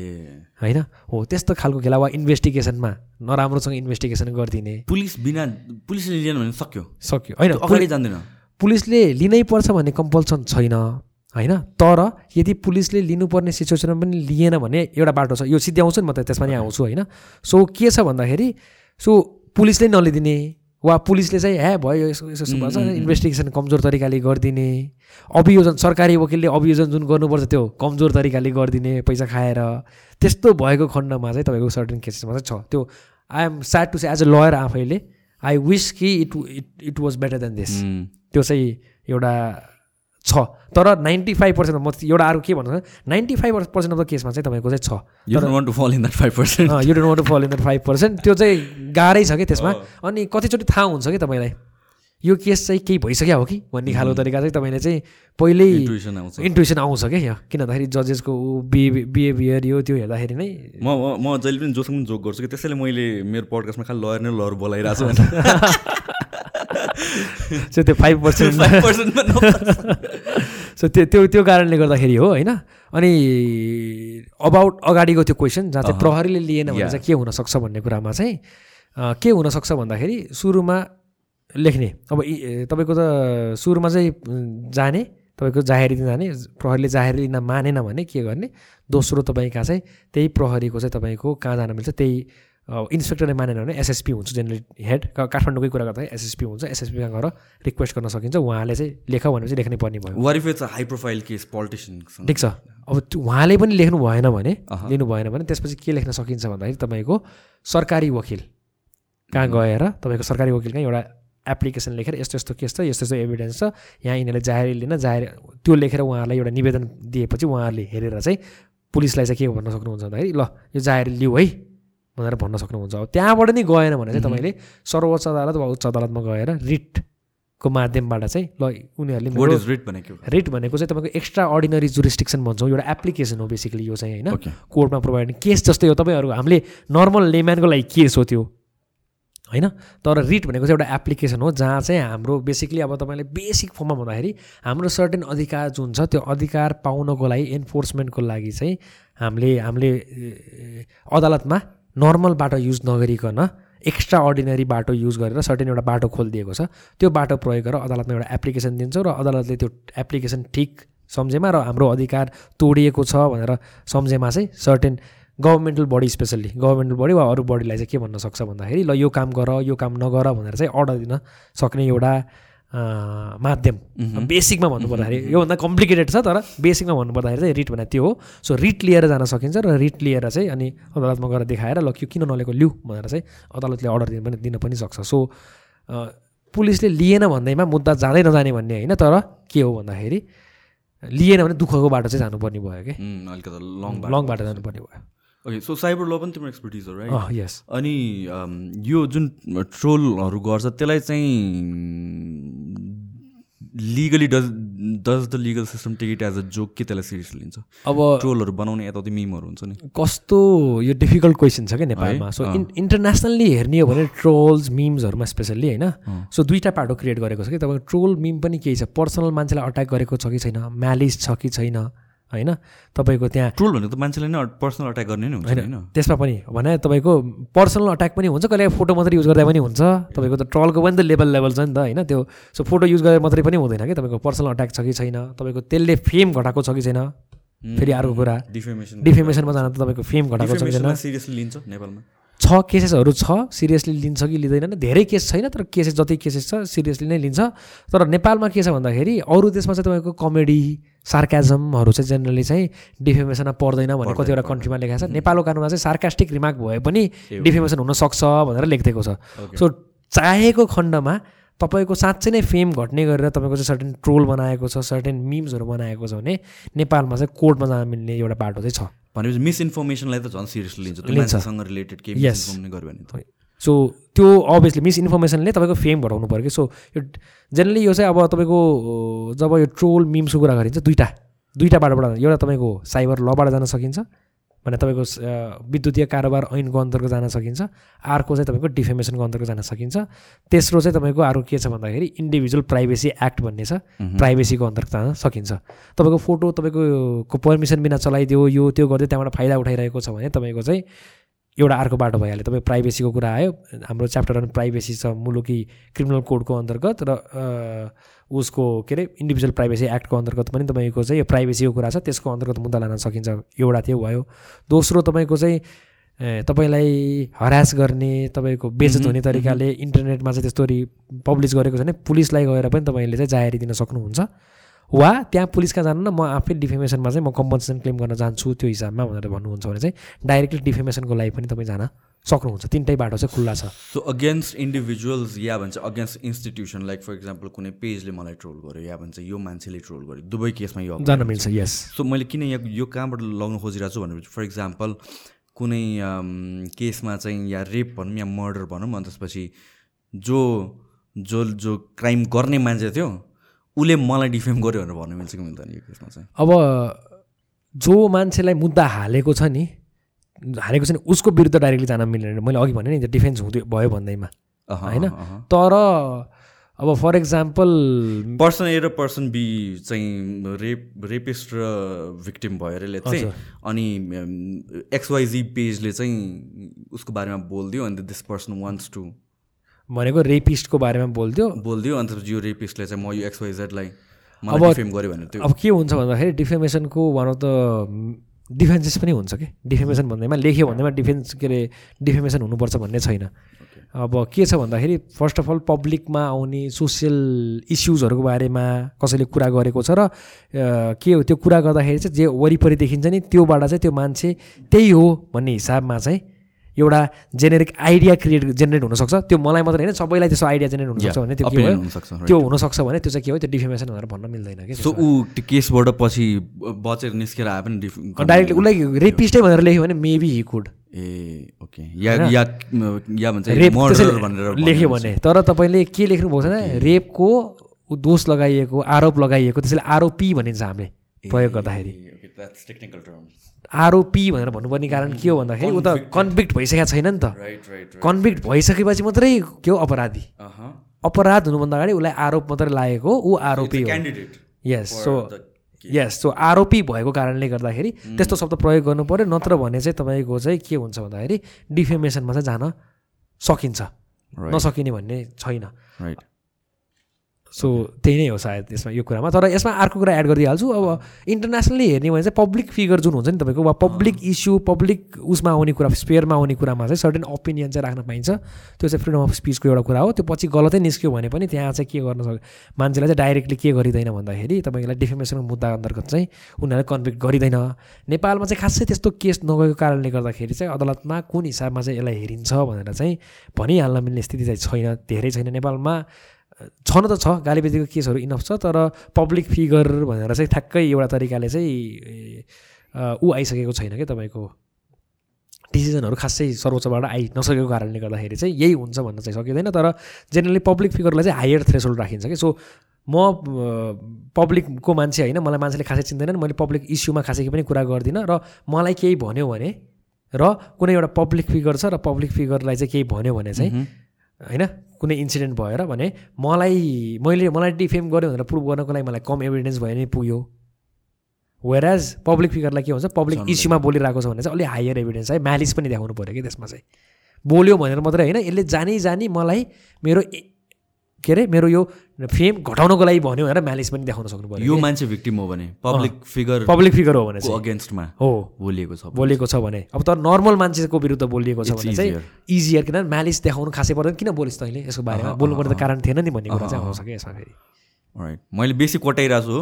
होइन होइन ठिक छ ठिक छ? ठिक छ ठिक छ म त फेरि मलाई के के सोध्नु मन लाग्छ नि सोध्छु होइन? फेरि एकदमै त्यो पुरा वाइल्ड नै भयो। पुरै हामी फेरि कानुनको क्लास भइरहेको त्यही भइरहेको फिल हुन्छ कहिले काहीँ मलाई।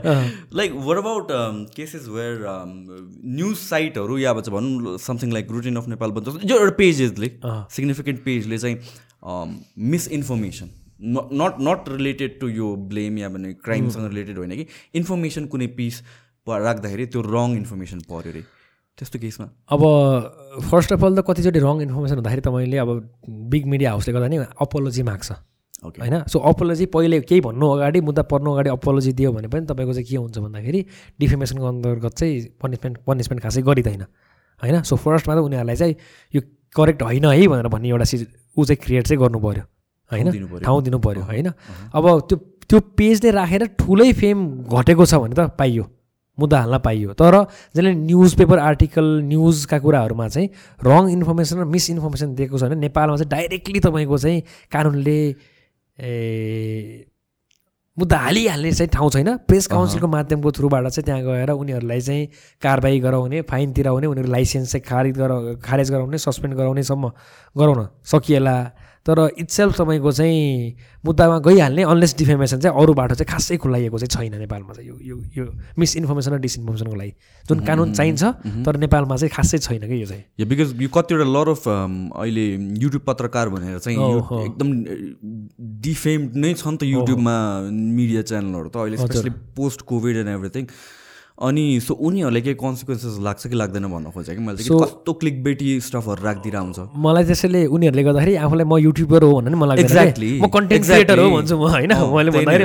आइएम अ कन्टेन्ट क्रिएटर भन्छु म युट्युबर भने नि सबैले यसो बिगाएर हेरिहाल्छ त्यो कारणले गर्दाखेरि that is like no no for me भइसक्यो होइन.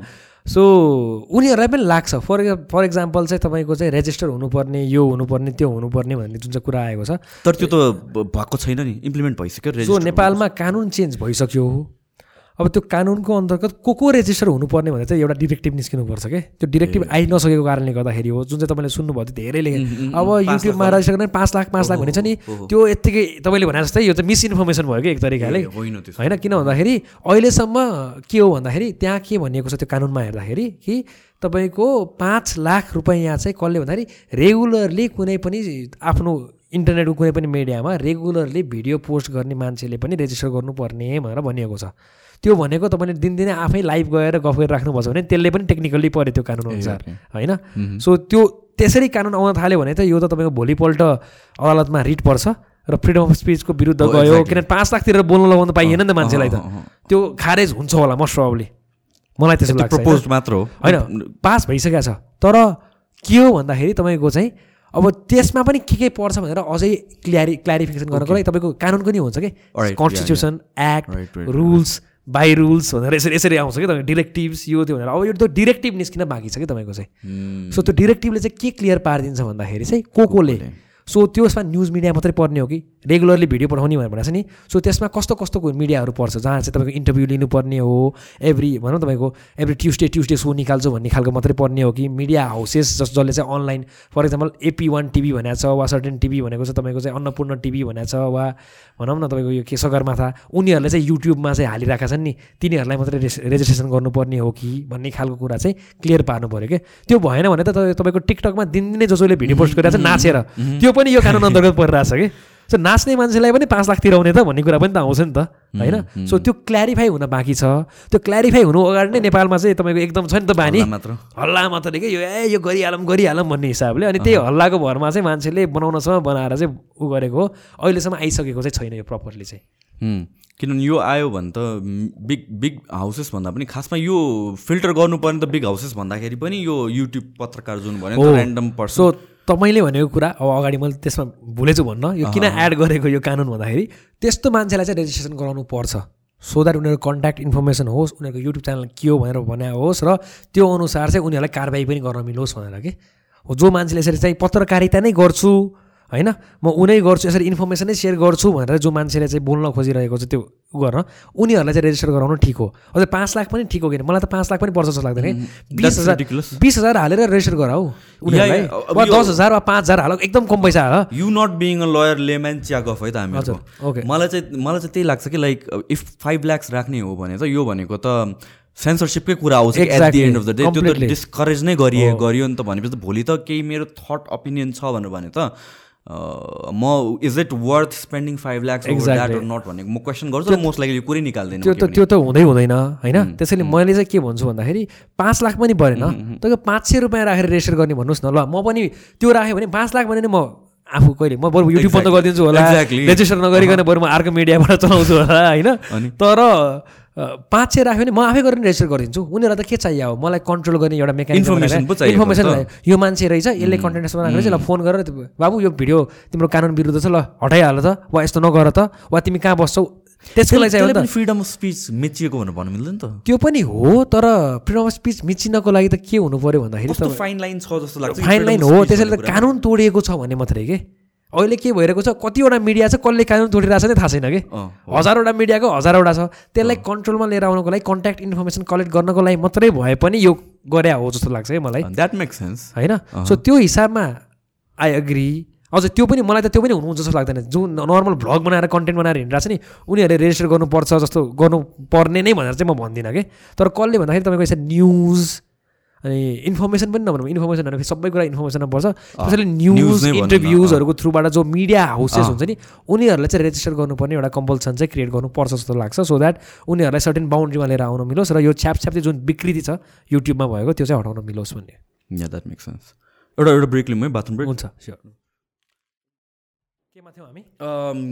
केमा थियो भन्दा पनि अब केमा जाने भन्ने कुरा हो। अब म चाहिँ तिम्रो अब अब कानुनको क्लास बन्द कानुनको गरौँ क्लास अब एकछिन होइन. तर अलिअलि कानुनको कुरा चाहिँ आउँछ कि। आउँछ okay. In the sense that म चाहिँ रिसेन्ट तिम्रो कन्टेन्टको ह्युज फ्यान हो यार। तिम्रो त्यो मर्डर स्टोरिजहरू मैले हजुर। पनि भने पार्टीमा भेट्दाखेरि म चाहिँ राति कोही नभएको बेलामा बाह्र एक बजी घरमा कोही नभएको बेलामा हेर्ने होइन। हेर्न रमाइलो लाग्ने।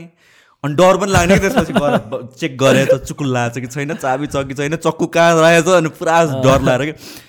त्यो कन्टेन्टहरू चाहिँ एकदम गोल्ड कहाँबाट तिमीले त्योहरू गर्न थाल्यो यार? र र त्यस्तो गर्दाखेरि like do you get in trouble त्यसमा केही लिगल ट्रबल छ? सो एउटा मात्रै के हुन्छ भन्दाखेरि अदालतले डिसाइड गरिसकेको केस चाहिँ जेनरली हामीले भन्ने हो।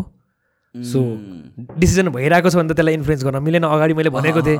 तर त्यस्तो केस चाहिँ generally I don't get in trouble तर त्यसमा पनि मैले फिल्टर लगाएको छु कि।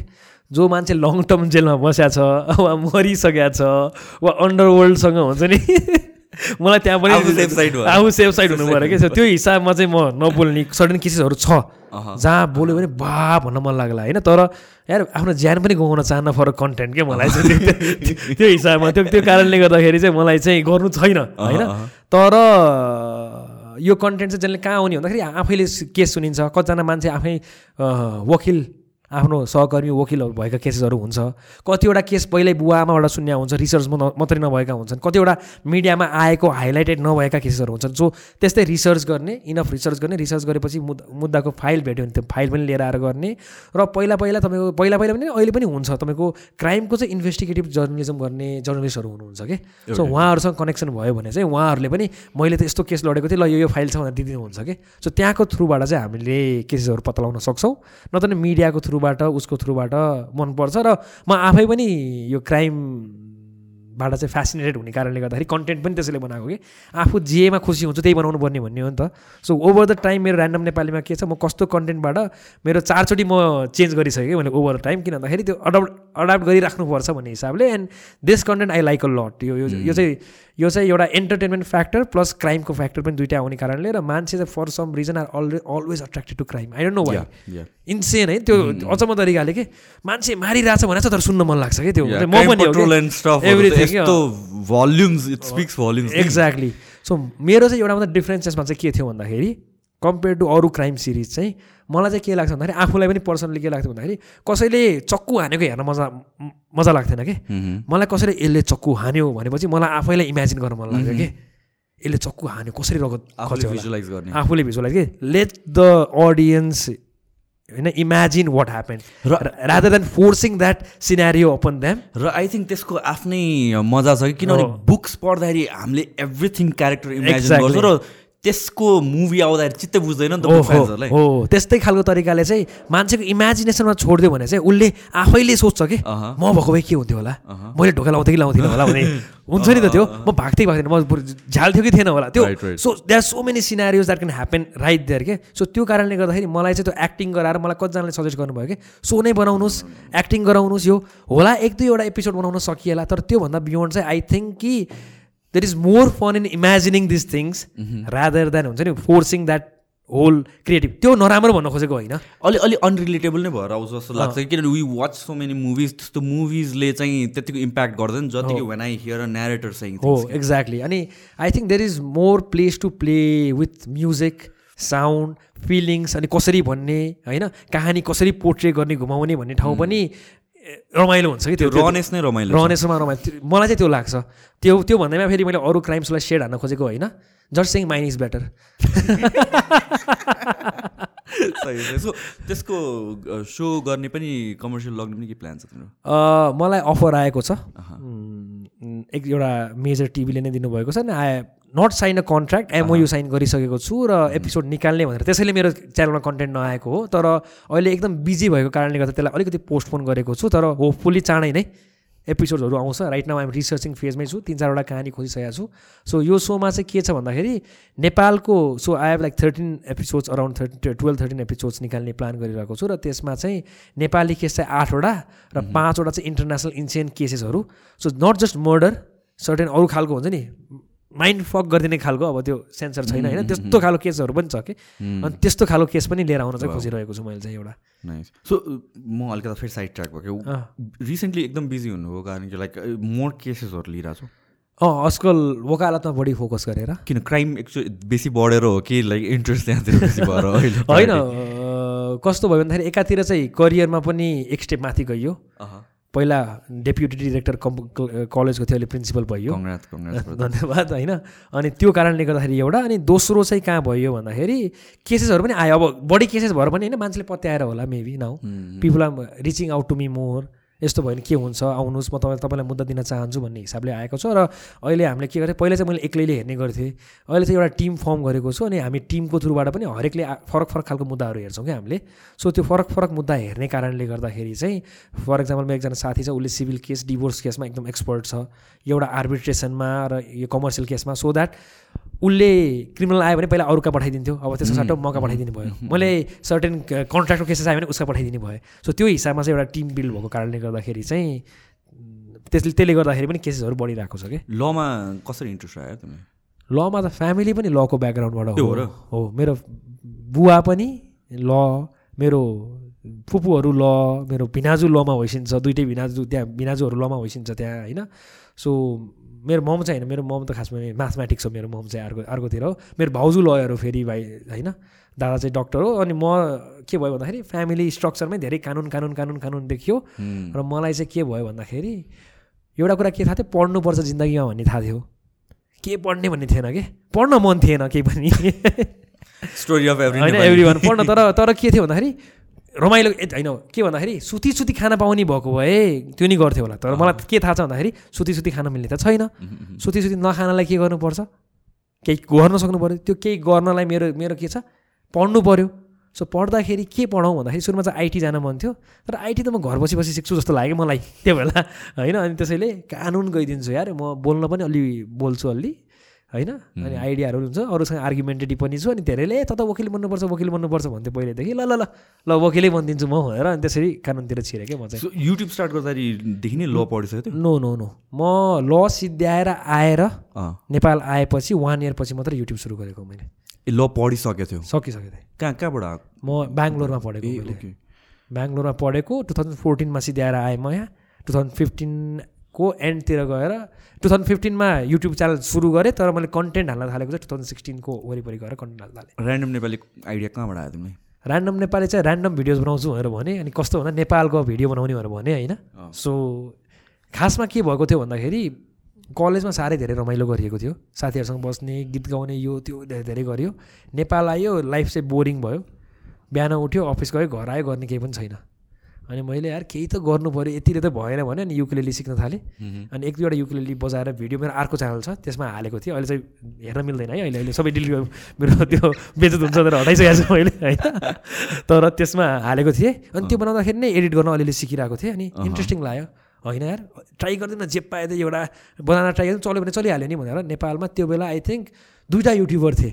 नाम चलेको आयुष श्रीमाल र सजिन महर्जन होइन? दुईजना मात्रै थिए त्यो बेला। बनाइदिउँ न भनेर मैले बनाइदिएँ। अनि के बनाऊँ भन्दाखेरि नेपालीलाई रिलेटेबल हुने बनाइदिन्छु एउटा how to know your Nepali भनेर मैले बनाइदिएँ कि। अनि अनुहार चाहिँ देखाउन लास्ट लाज लाग्ने।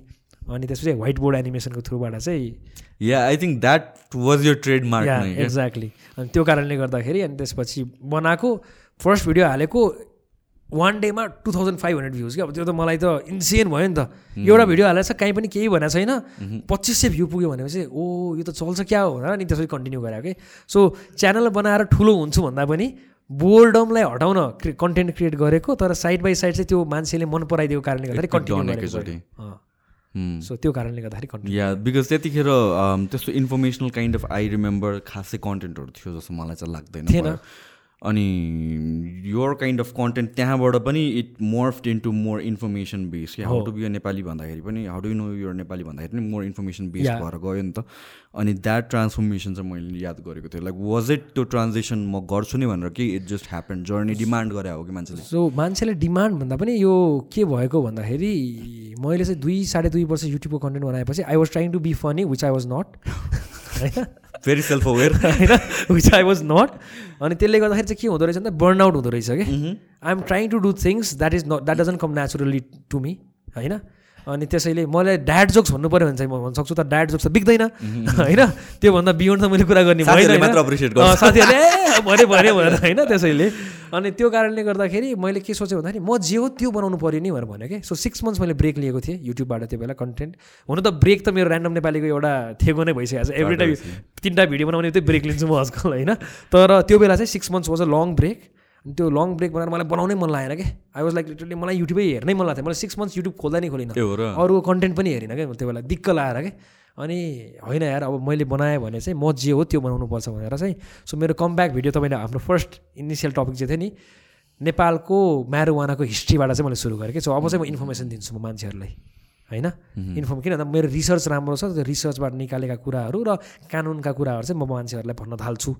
भनेर चाहिँ अनि मैले त्यसपछि चाहिँ डाइरेक्टली कन्सियस एउटा चेन्ज चाहिँ मैले चाहिँ लिएर आएको थिएँ। ओके सो अनि पब्लिकली आउँछु भनेर चाहिँ like Publicly? That happen how did that happen Giriz दाई ह्यापन नि हाम्रो के गरेको? एउटा सोमा गएको होइन एउटा मिटिङमा गएको यत्तिकै आएर दिस इज ऱ्यान्डम नेपाली भनेर। ए हो र? मैले आफैले पनि फेस रिभिल गरेँ होइन नि। गिरिज दाईले मेरो फेस रिभिल गरिदिनु भएको हो नि। तिम्रो च्यानलमा फेस रिभिल गरेको थियो होइन? मेरो च्यानलमा त फिफ्टी थाउजन्ड पुगेपछि अब दाईले देखाइदिइहालेँ भिडियो अनुहार भनेपछि मैले अनुहार देखाएको। नत्र भने no one knew I was होइन? मैले कसैलाई भनेको पनि थिइनँ नाम दिएको पनि लाइक आइडेन्टिटी प्रोटेक्सनको लागि यसै मन होइन मैले एउटा मिस्ट्री क्रिएट गरेर यो को हो भनेर मिस्ट्री एउटा चाहिँ क्रिएट गरिराखौँ। म चाहिँ एक लाखसम्म क्रिएट गर्छु भन्ने मेरो विचार थियो कि एटलिस्ट ह्यापन हजुर। अनि त्यहाँदेखि गिरिश दाईलाई भेटेँ। यसो आउनुभयो यो चाहिँ ऱ्यान्डम नेपाली भनेर देखाइदिनु भयो अनि गिरिश दाई I want to say one thing तपाईँले जिन्दगीमा म हेर्नु म ह्यान्डसम केटा धेरै होइन मलाई थाहा छ। तर मेरो जिन्दगीको सबभन्दा नराम्रो फोटोलाई खोजेर किन थम्नेल बनाइदिनु भयो त्यो क्वेसन सोध्न चाहन्छु म गिरिश दाई तपाईँलाई। त्यो मैले त्यो भिडियोको थम्नेल हेरेँ भने मैले लास्ट म आफूलाई चिन्दिनँ कि त्यो भिडियोमा त्यस्तो थम्नेल आएर यो चाहिँ ऱ्यान्डम नेपाली भनेपछि मेरो चाहिँ अटोमेटिकली त्यो बेला सिङ्गल पनि थिएँ। मेरो प्रोस्पेक्ट घट्यो कि? अनि तिमीले नहालिदिनु भन्नु। होइन ठिक छ हालिसक्नु इट्स ओके भने। अनि त्यसपछि च्यानलमा आएँ आफ्नै तरिकाले हालेँ त्यो भइहाल्यो। मैले त रमाइलोलाई भने तर त्यो चाहिँ। तर त्यो भिडियो अझ- पनि त्यो फोटो देख्यो नि मेरो किन यो फोटो अपडेट गर्नु पर्ला अब। ठिक छ होइन। अब त अब अब अब त्यो बेला के थियो? इन्टरनेटमा मेरो एउटा अनुहार थियो। त्यो गिरिश दाईको भिडियो भयो कि? त्यो थम्नेल भयो कि? अब त धेरै फोटो आइसक्यो। आई डोन्ट माइन्ड तर त्यो बेला चाहिँ one photo and it was like केटीहरूले नि छि भन्ने खालको सो सो तिम्रो अनि जुन ट्रान्सफर्मेसन भएर recently with crime stories and everything छ I I understand your saving it up for the so तर के यसो यहाँ हामीलाई पनि यसो स्निक पिक पाउँछ कि कुनै स्टोरिजहरू ओके एउटा टप अफ द माइन्ड यो चाहिँ सोमा नभन्ने खालको कतिवटा स्टोरिज छ त्यस्तो? एउटा म फर्स्टमा एउटा भन्छु अनि अझै मन मन लाग्यो भने अर्को नि सुनौँ होला होइन सो एउटा नेपालको होइन है यो चाहिँ। Okay. यो चाहिँ यो चाहिँ इन्टरनेसनल स्टोरी हो होइन यो चाहिँ। एउटा अब यो चाहिँ आई थिङ्क दिस इज युएसमै हो। होइन युएसमा चाहिँ एउटा महिला चाहिँ के जान्छ भन्दा एउटा हस्पिटल जान्छ सर्टेन चेकअपको लागि उसको पेट दुख्यो यताउता दुख्यो भनेर ऊ चेकअप गर्न जान्छ। अनि त्यो चेकअप गर्न जाने बेला चाहिँ के हुन्छ भन्दाखेरि ऊ चाहिँ उसलाई चाहिँ सर्टेन हस्पिटल डक्टरले चाहिँ ऊ हुनुपर्छ भनेर भन्छ कि। के अरे उसलाई चाहिँ के अरे चेक गर्नुपर्छ तिमीलाई चाहिँ एनेस्थेसिया लगाउनुपर्छ यो त्यो भनेर चाहिँ चेक गरायो। त्यो लगाएको बेला चाहिँ उसलाई के लाग्यो भन्दाखेरि उसलाई कसैले चाहिँ जबरजस्ती गर्यो one took advantage of her भन्ने हिसाबले चाहिँ फिल गर्यो कि उसले? तर उठेर भन्छ होइन केही पनि भएको छैन यो त्यो यो त्यो भन्छ केही पनि भएन होइन? अनि त्यसपछि सेकेन्ड टाइम पनि त्यस्तै भयो अरे कि? सो उसलाई चाहिँ के लाग्यो डक्टरले अनि उसको दिमागमा चाहिँ हेजी तरिकाले चाहिँ डक्टर देखा जस्तो लाग्यो कि त्यो मान्छे डक्टर देखा जस्तो लाग्यो। सो त्यो डक्टर देखेपछि उसले चाहिँ डक्टरको विरुद्ध मुद्दा हाल्यो गएर कोर्टमा चाहिँ मुद्दा हाल्यो। पुलिसलाई गर भने पुलिसले चाहिँ मुद्दा हाल्यो त्यसपछि कोर्ट। अनि के भयो भन्दाखेरि त्यो बेला चाहिँ मेडिकल चेकअप भयो यो त्यो भयो सबै कुरा भयो सिमन टेस्ट यो त्यो गर्ने भनेर भन्यो सबै कुरा गऱ्यो। अनि के देखियो भन्दाखेरि तपाईँको चाहिँ डक्टरले चाहिँ डक्टरको अब त डिएनए चेक गर्नु पऱ्यो त्यो मान्छे हो कि होइन भनेर। अनि के भयो भन्दाखेरि तपाईँको फेरि के निकाल्यो भन्दाखेरि उसको बडीबाट चाहिँ यसरी निकाल्यो कि एउटा सर्टेन उसले चाहिँ आफ्नो इन्जेक्सन घुसाएर रगत निकालेर दियो। मलाई दियो भनेर उसले आफैले निकालेर दियो त्यो पुलिसको अगाडि निकालेर दियो चेक गर्यो डिएनए मिलेन। द गर्ल वाज भिलेनाइज हे यसले डक्टरलाई फसाउन खोज्यो यसले केही पनि भएको थिएन यो त्यो यो त्यो भनेर यसलाई फसाउन खोज्यो भनेर उसको होन ओल हो आफ्नै फ्यामिलीले पनि उसलाई चाहिँ डिमोनाइज गरेर आएको थियो कि त्यस्तो सिचुएसन क्रिएट भएको थियो। तर उसलाई दिमागमा काहीँ न काहीँ चाहिँ के छ भन्दाखेरि this is hap this this is happening to me मलाई यो भएको थियो भन्ने थियो कि। सो त्यो कारणले गर्दाखेरि के भयो भन्दाखेरि उसले फेरि अझै पनि चेक गरौँ भनेर भन्छ अनि सेकेन्ड टाइम पनि डिएनए लिन्छ कि? सो त्यो सेकेन्ड टाइम पनि डिएनए लिँदाखेरि चाहिँ के भयो भन्दाखेरि तपाईँको फेरि सेम थिङ ह्यापन सो के भयो भन्दाखेरि उसको फ्यामिली आफैले पनि डिमोनाइज गरिरहेको थियो कि उसलाई। अनि त्यही पनि उसलाई के लाग्यो भन्दाखेरि this this happen to me मैले यस्तो यस्तो मैले गरेको होइन। त्यही पनि यस्तो किन भइरहेछ कि मेरो डिल्युजन हो कि के हो भनेर उसलाई ऊ गएर आफ्नो साइकोलोजी चेक पनि गरायो सबै कुरा भयो। त्यो हुँदाखेरि पनि उसलाई चाहिँ टाइम टाइममा चाहिँ त्यो नाइटमेयरको रूपमा आइराख्ने भयो। सो एक्चुली फेरि पुलिसलाई ऊ भन्यो कि?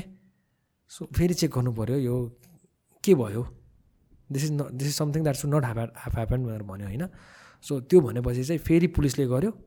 चेक गर्दाखेरि अनि मुद्दा लाग्न नमिल्ने भनेर देख्यो। किनभने डिएनए म्याच भएन। सेकेन्ड टाइम पनि भयो अनि अब यहाँ के हुन्छ डबल जियो पार्टीको कुरा आउँछ फेरि मुद्दा लगाउन मिल्ने कि नमिल्ने यो त्यो भनेर चाहिँ तपाईँको चाहिँ अब यो फेरि मुद्दा लगाउन मिल्दैन इन्भेस्टिगेसनले पनि देखाएन यो मुद्दा अगाडि नबढाऊँ पछि गएर फेरि मुद्दा चलाउन मिल्दैन भन्ने हिसाबले चाहिँ त्यो ऊ भयो। केटीलाई मिडियामै आएर चाहिँ उसलाई चाहिँ एकदम नराम्रोसँग चाहिँ ट्रिट गरियो कि यो चाहिँ फेक केस हाल्ने केटी भन्ने हिसाबमा ऊ हाल्यो। त्यसको सर्टेन इयर्सपछि चाहिँ के भयो भन्दाखेरि एउटा सर्टेन फ्यामिलीमा चाहिँ एउटा टेन इयर ओल्ड गर्ल थियो होइन? यङ केटी थियो उसलाई चाहिँ सेक्सुअल भोइलेन्स भयो भन्ने कुरा आयो। होइन? अनि त्यो सेक्सुअल भोइलेन्स भयो भनेर भन्ने कुरामा चाहिँ के भयो भन्दाखेरि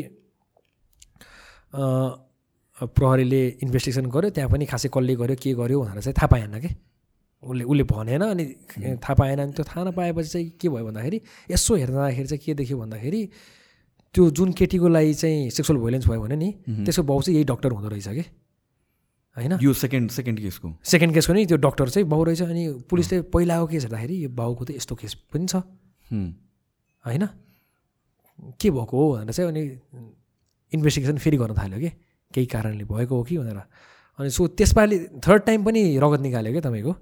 अनि थर्ड टाइम पनि रगत निकाल्दाखेरि चाहिँ पनि त्यही भयो उस उसको म्याच हुँदैन। सो यो पर्परेटर अर्कै के हो उसको फ्यामिलीलाई किन भइरहेछ भन्ने खालको भयो होइन? तर प्रहरीले चाहिँ यसपालि चाहिँ इन्भेस्टिगेसन छोडेन क्या। केही न केही होला पक्कै भनेर इन्भेस्टिगेसन गर्दाखेरि केटीले चाहिँ हो हो अलिअलि मेरो फ्यामिली तर्फबाट हो भनेर चाहिँ उसले चाहिँ भन्छ तर डाइरेक्टली यो हो भनेर भन्दैन होइन? अब एभिडेन्स त चाहियो त्यसपछि। अनि त्यसै लास्टचोटि चाहिँ ल फेरि एकचोटि गरौँ। अति भयो यो चाहिँ चेक गर्नै पर्छ भनेर चाहिँ चेक गर्दाखेरि चाहिँ के भयो भन्दाखेरि तपाईँको फोर्थ टाइम निकाल्न खोज्दाखेरि रगतै निस्केन क्या तपाईँको यहाँबाट। त्यस्तो त नहुनुपर्ने। रगत किन निस्किएन भनेर भन्न थाल्यो। अनि उसले चाहिँ मुखको स्वापबाट चाहिँ डिएनए लिम भनेर भन्ने हिसाबले चाहिँ प्रहरले ट्राई गर्थ्यो उसले मान्दै मानेन त्यो मान्छेले चाहिँ होइन? किन लिने के कारणले लिने भन्ने खालको कुरा चाहिँ आयो। अनि त्यसैले त्यही पनि प्रहरले चाहिँ लिनुपर्छ लिनुपर्छ भन्दा नि उसले चाहिँ मानेन कि? अनि यसमा केही न केही चाहिँ यसले किन मानिरहेको छैन भनेर पछि चाहिँ इन्भेस्टिग इन्भेस्टिगेसन गर्दै जाँदाखेरि चाहिँ अदालतबाट रिपोर्ट निकाल्यो स्वाब गऱ्यो स्वाब गरेर गर्दाखेरि चाहिँ हो रहेछ। जसले अगाडि त्यो ऊ गरेको छ नि त्योसँग म्याच त्योसँग पनि म्याच भयो योसँग पनि म्याच भयो। बच्चासँग पनि म्याच भयो। होइन अनि यत्रो ब्लडले जुन गऱ्यो हामीले रिसर्च होइन त्यो चाहिँ किन म्याच भएन? भनेर भन्दाखेरि चाहिँ त्यो डक्टर चाहिँ त्यो तपाईँको चाहिँ धेरै पर्पेटेटरलाई यस्तो गरिसकेको मान्छे रहेछ कि? अनि आफ्नो जहाँ यहाँ हुन्छ नि यहाँबाट रगत निकाल्ने यहाँ चाहिँ यत्रो ट्युब हाल्दो रहेछ जहाँ चाहिँ अर्काको रगत राख्दो रहेछ बन्द गरेर कि? देखिँदैन? नदेख्ने तरिकाले राखेर चाहिँ भित्रै? राखेको। ए। पहिल्यै ऊ गरेर अपरेट गरेर त्यसरी राखेर अनि आफैले निकालेर दिन्थ्यो कि उसले रगत चाहिँ त्यसैले के? ए। अनि लास्ट टाइम किन निस्केन भनेर भन्दाखेरि चाहिँ त्यहाँभित्र रगतै सिद्धेछ कि? रिफिल गरेन। रिफिल गरेन। अनि त्यो रगत सिद्धेको कारणले गर्दाखेरि चाहिँ के भयो? उसको स्वाब लियो। स्वाब लिएपछि चाहिँ के भयो भन्दाखेरि उसलाई चाहिँ पक्राउ गरेर चाहिँ लिएर गइयो कि? सो थोरै इनएक्युरेसिज होला। मैले अभियसली यो दुई तिनचोटि मात्रै पढाए ऊ हो होइन? त्यो त्यो कारणले गर्दाखेरि तर यस्तो यस्तो केस पनि थियो। मान्छेले चाहिँ क्राइम गर्नको लागि आफ्नो ब्लड भेसल्सभित्र एउटा ट्युब चाहिँ राखेर मोस्ट लाइकली त्यो मल्टिपल टाइम्स गरिसक्यो। दुइटा केस मात्र आएको आएको हो। अझ मल्टिपल टाइम्स भइसकेको हुनसक्छ कि सो यस्तो खालको केस पनि मान्छेहरू अघि अघि क्रिमिनल साइकोलोजीमा मान्छेले कसरी प्लान गरेर चाहिँ क्राइम गर्छ भन्ने कुरा चाहिँ यहाँबाट पनि देखिन्छ क्या मर्डर केसेसहरू छ नि भन्न मिल्ने। कि राम्रो राम्रो बचाएर राखिरह राम्रो राम्रो बचाएर राखेको भन्दा पनि आई थिङ्क यो एउटा अब यो चाहिँ कस्तो हो भन्दाखेरि मर्डर केसमा एउटा नेपालको एउटा केस छ होइन? अब यो खासै धेरै डिटेलमा जाने भन्दा पनि सर्टन केस चाहिँ के छ भन्दाखेरि तपाईँको चाहिँ कतिवटा केस कतिवटा भन्नु मिल्छ कथा भन्नु कतिवटा भन्नु मिल्छ। त्यो सोच्नुपर्छ क्या। Out top of the mind सबै छैन क्या त्यो त्यो कारणले गर्दा ओके सो बेसिकली के हुन्छ भन्दाखेरि तपाईँले चाहिँ ऊ देख्नुभएको छ नि। अलिकति इन्ट्रेस्टिङ तरिकाले भनिदिउँ है यो कहानी चाहिँ होइन? एउटा के भएको रहेछ भन्दाखेरि तपाईँको चाहिँ मान्छे एउटा मान्छेको फ्यामिलीको चाहिँ घरमा बसिरहेको थियो कि ऊ चाहिँ होइन? अनि त्यो घरमा बस्ने बेला चाहिँ के थियो भन्दाखेरि खासै केही पनि ऊ थिएन कि? प्रब्लम थिएन केही पनि थिएन। देउले एघारजना मान्छे चाहिँ नर्मल्ली बाँचिरहेका थिए। सो तपाईँले चाहिँ यो इन्डियामा पनि सुन्नुभएको थियो होला मान्छेको मास सुसाइडवाला एउटा केस जुन चाहिँ नेटफ्लिक्समा पनि आएको थियो तपाईँले हेर्नुभएको चाहिँ छैन? हेर्नुहोस् त्यो त्यो पनि इन्ट्रेस्टिङ छ होइन? सो यो चाहिँ के भएको थियो भन्दाखेरि त्यो फ्यामिली चाहिँ के थियो? राम्रोसँग बाँचिरहेको थियो तर त्यहाँ चाहिँ जहिले पनि के भन्ने थियो भन्दाखेरि एउटा इरी खालको तरिकाले चाहिँ एउटा ऊ बसिरहेको हुन्थ्यो कि? ऊ हुन्छ नि मान्छे चाहिँ त्यो हामीले भूतको फिल्ममा देख्छौँ नि सामान ढल्ने यो गर्ने मान्छे बोल्ने अर्को अर्को प्यारानोमल एक्टिभिटी तरिकाले चलिरहेको थियो होइन? त्यही पनि मान्छेहरू त्यहाँ बाँचिरहेका थिए केही पनि ऊ थिएन। सो त्यसमा चाहिँ के भयो भन्दाखेरि एक दिन चाहिँ तपाईँको मान्छेहरू सबैजना सुतिरहेका थिए। त्यो सुत्दाखेरि भोलिपल्ट होल फ्यामिलीको एघारजना मरेर उठे। एउटा बच्ची मात्रै जिउँदो छ। अल इलेभेन पिपुल डेड होइन? कसैलाई छप्काइएको छ कसैलाई ऊ गरिएको छ कसैलाई के गरिएको छ होइन? वेज डिफ्रेन्ट वेज तरिकाले मारिएको छ। होइन? एक रात अगाडि सबैजना ठिक छ। भोलिपल्ट उठ्दाखेरि एउटा बच्ची चाहिँ तपाईँको भागेर खुट्टा मात्रै भाँचिएको भनेर भन्यो। होइन? अनि र के भयो? अनि पुलिसले चाहिँ उसलाई के भयो? कस्तो भयो? भनेर सोद्धाखेरि त्यो बच्चीलाई चाहिँ बच्चीले के भन्छ भन्दाखेरि राति चाहिँ एउटा कालो कुरा आयो अनि सबैले मारेर गयो भन्छ। त्यो बच्चा चाहिँ घरबाट बाहिर भागिसक्यो। भाग्यो। त्यो देखेर मा मान्छे मरेको देखेर चिच्याएको सुनेर भाग्यो बच्यो होइन? सो के भयो भन्दाखेरि अब त्यो गाउँमा चाहिँ के भयो? भूतको कुरा आयो कि? त्यो गाउँमा चाहिँ यो सबै भूतको कुरा आयो अनि भूतको कुरा आएपछि मान्छेले के भन्यो भन्दाखेरि यो अब यहाँ भूत प्रेत लाग्न थाल्यो यो गर्न थाल्यो। तर प्रहरीले अभियसली त्यो भूत प्रेत होइन साइड बाई साइड इन्भेस्टिगेसन गरिरहेको छ के भइरहेको छ भनेर मान्छे बोलाएर चेक गरिरहेको छ होइन। अनि मान्छेले चाहिँ तपाईँको भूत बोलाएर यहाँ चाहिँ तपाईँको यस्तो यस्तो चाहिँ पहिला पहिला पनि अनि मान्छेले पहिला पहिलाको कुराहरू निकाल्छ नि। पहिला पनि मान्छेहरूलाई चाहिँ यसरी मारिएको थियो। अनि तिनीहरूकै भूत आएर चाहिँ अशान्त आत्माले गर्दाखेरि यस्तो गरिएको हो भन्ने खालको तरिकाले चाहिँ मान्छेहरूले ऊ गरिरहेका थिए। स्पेकुलेट गरिरहेका थिए। त्यहाँ गाउँमा लिएर आएर ऊ पनि गरे। त्यसको भोलिपल्ट होइन कि? भोलिपल्ट भन्नु आए चाहिँ त्यसको नेक्स्ट विक चाहिँ के भयो? त्यसको नेबरको घरमा चाहिँ नि पाँचजनालाई मार्यो। सबैजना? पाँचजनालाई मार्यो सबैजना। Okay five people all dead त्यसरी नै मार्यो। अब चाहिँ स्योरै यो केही न केही चाहिँ यो भूतले नै नत्र यति धेरै मान्छे चाहिँ यस्तो सिचुएसनमा पनि कसरी मार्न सक्छ भन्ने हिसाबले चाहिँ मान्छेहरूले अब त्यसपछि चाहिँ तपाईँको ऊ बोलाएर झाँक्री बोलाएर ऊ के के बोलाएर त्यहाँ त्यहाँको त्यहाँको लोकल जे हुन्छ होइन त्यो बोलाएर चाहिँ के गर्न थाल्यो भन्दाखेरि ऊ गर्न थाल्यो क्या त्यो पूजा गर्न थाल्यो यो गर्न थाल्यो। यो चाहिँ ह्युमन सेक्रिफाइस पनि हुनसक्छ। भगवान्लाई चढाएको भले मल्टिपल कहानीहरू चाहिँ तपाईँहरूको आइरहेको थियो होइन? तर अब प्रहरी मैले भन्छु नि प्रहरीले त अब मल्टिपल कहानी कहाँ त बोलाउने कुरा त भएन होइन? तर कस्तोसम्म सिचुएसन क्रिएट भएछ भन्दाखेरि यो केसमा? हो नै कि भनेर डर लगाएर चाहिँ तपाईँको चाहिँ होइन? त्यो बेला प्रहरीले नि हाम्रो पितृ बोलाउने भनेर भन्छ नि तपाईँको। पितृ बोलाउन गएछ क्या तपाईँको चाहिँ होइन? त्यो पितृ बोलाउने भने पितृ बोलाउने त नभनौँ एक्ज्याक्टली तर बेसिकली एउटा उसमा गएर चाहिँ भूतसँग बोल्न खोज्यो क्या। पितृ बोलाउने नेपालमा हुन्छ। यो चाहिँ अलि अर्को ठाउँको भएको कारणले चाहिँ तपाईँको चाहिँ भूत बोलाउने होइन भूतसँग चाहिँ कुरा गर्ने एउटा सिचुएसन यो चाहिँ कहाँ भयो? नेपाल इन्डियाको बोर्डरको एउटा गाउँमा भएको हो कि यो कहानी चाहिँ। सो इन्डियाको हो। भएकै हो यो चाहिँ। सो यो चाहिँ के हो भन्दाखेरि नेपालभित्र होइन नेपाल र इन्डिया जहाँ जोडिन्छ नि त्यो बोर्डरको बोर्डरको साइडमा भएको चाहिँ यो हो कि? त्यसैले मैले नभनेको नेपालको कहानी होइन त्यसैले भन्न मिलेन। यहाँ भनिदिएँ मैले त्यसैले होइन। सो के भयो भन्दाखेरि अन्तिममा गएर चाहिँ त्यो उनीहरूलाई चाहिँ एउटा मान्छे भयो भूत बोलाउने ऊ होइन त्यो भूतले चाहिँ ऊ के भन्यो भन्दाखेरि त्यो मान्छे जसले बोलाउँछ उसले चाहिँ हो यहाँ यो चाहिँ शान्ति नभएर हो यहाँ चाहिँ पहिला पनि यस्तो यस्तो भएको थियो भनेर उसले पनि त्यसलाई कन्फर्म गरिदियो भनेर भन्यो। अनि त्यो कन्फर्म गरिदिइसकेपछि के भयो भन्दाखेरि तपाईँको अब चाहिँ पूजा गर्नै पऱ्यो यो थियो भने तर अझै पनि प्रहरीले त इन्भेस्टिगेसन रोक्न गर्न रोक्न मिल्ने स्थिति त भएन। अनि इन्भेस्टिगेसन गर्दै जाँदाखेरि चाहिँ के भेट्यो भन्दाखेरि तपाईँको बाइस तेइस दिनपछि चाहिँ तपाईँको एउटा रुखमा अर्को एउटा मान्छे त्यही दुइटा फ्यामिली चाहिँ त्यो दुइटा फ्यामिली चाहिँ एकअर्कासँग इन्टर रिलेटेड थियो कि? होइन तपाईँको? अर्को एउटा मान्छे झुन्डिरहेको सिचुएसनमा भेटेँ फेरि। सो यो मान्छे पनि रिलेटेड थियो? त्यो मान्छे पनि रिलेटेड थियो भनेर भने फर्स्ट टाइम उनीहरूलाई चाहिँ केही सुराग भेट्यो कि? केही भएको हो कि यहाँ? यो केस र यो केस र यो केसमा के फरक छ? भन्ने हिसाबमा के?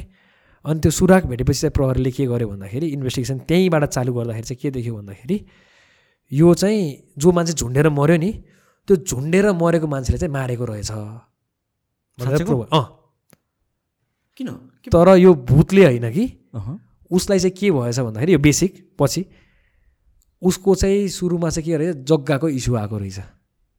दुइटा फ्यामिलीसँग छ। पछाडि जोडिएको मान्छे जो भेट्यो नि त्यही फ्यामिलीको मात्र त्यो जग्गाको इस्यु आएको रहेछ। जग्गाको इस्यु आएको खण्डमा चाहिँ तपाईँको के भएको रहेछ भन्दाखेरि इनिसियल फर्स्टवाला ऊ छ नि फर्स्ट फ्यामिली। फर्स्ट फ्यामिलीलाई मारेको रहेछ। कसरी मार्यो एघारजनाले? मारेछ अब मलाई थाहा छैन। गर त्यो खुलेन त्यो त्यो मैले पढ्न पाइनँ कि लेखाएको छैन कि मारेको छ भनेर मात्रै आयो। सो मलाई अब पुलिसको रिपोर्ट मगा- मगाउने ठाउँ भएन इन्डियाको पुलिसको रिपोर्ट हो। सो मारेछ। अनि त्यो मारिसकेपछि एघारजनालाई मारिसकेपछि चाहिँ उसले एकजनाले क्या फेरि राति राति सुतिरहेको बेला सो मेबी. के हो? एकजनालाई मारेपछि त अरूहरू उठ्छ उठ्छ खै के हो? के नि हो त, हुनु पर्ने। कसरी माऱ्यो मलाई थाहा भएन त्यो चाहिँ होइन? अनि एकजना बच्ची अनि बच्चीले पनि पछि चाहिँ हुनसक्छ भनेर भन्यो कि? बच्चीको नि। सो लास्टमा चाहिँ आयो किन भन्दाखेरि बच्चीले किन भयो भन्दाखेरि उनीहरू किन स्योर भन्दाखेरि बच्चीले चाहिँ त्यो जुन कालो मान्छे आएर माऱ्यो छ नि त्यो कराउने बेला चाहिँ एकजना चाहिँ चिनेको मान्छेको नाम लिएको जो मोरे मान्छे भनेको थियो नि त्यो मान्छेको नाम लिएको थियो भनेर भनेको थियो कि? उसको डेड बडी चाहिँ त्यहाँ थिएन कि? सो त्यो कारणले गर्दाखेरि चाहिँ त्यही मान्छे हो भनेर चाहिँ मान्छेले अब प्रहरीको अब हो कि होइन मलाई थाहा छैन तर त्यो आयो। अनि त्यसको फाइदा उठाएर चाहिँ तपाईँको अर्को एउटा गिरोहले चाहिँ त्यो साइडको पाँचजनालाई मारेर रहेछ कि? ए। बुझ्नुभयो नि? त्यो एघारजनालाई फरक मान्छेले मारेको रहेछ। होइन? अनि त्यसको फाइदा लिएर चाहिँ तपाईँको पछि इन्भेस्टिगेसन गर्दाखेरि के पत्ता लाग्यो भन्दाखेरि अर्को एउटा गिरोहले चाहिँ साइडको मान्छेसँग झगडा परेर रहेछ होल फ्यामिलीलाई सिधाइदिएको रहेछ कि सो त्यस्तो एउटा स्टोरी चाहिँ इन्डियाको यो चाहिँ नेपाल इन्डिया बोर्डरको स्टोरी हो होइन? त्यो एउटा स्टोरी छ। अब यो चाहिँ यहाँ मैले यति चाहिँ खुब भन्दै मैले त यो होल स्टोरीको स्केरी पार्ट के छ थाहा छ के? तिम्रो एक्सप्रेसन त्यसले एड गर्छ क्या एभ्रिथिङ म त्यही आई थिङ्क मेजोरिटी कुरा हामीले गरेँ thank you so much for coming पर्ला हुन्छ। पर्ला। है हस् thank you thank you brother no problem ल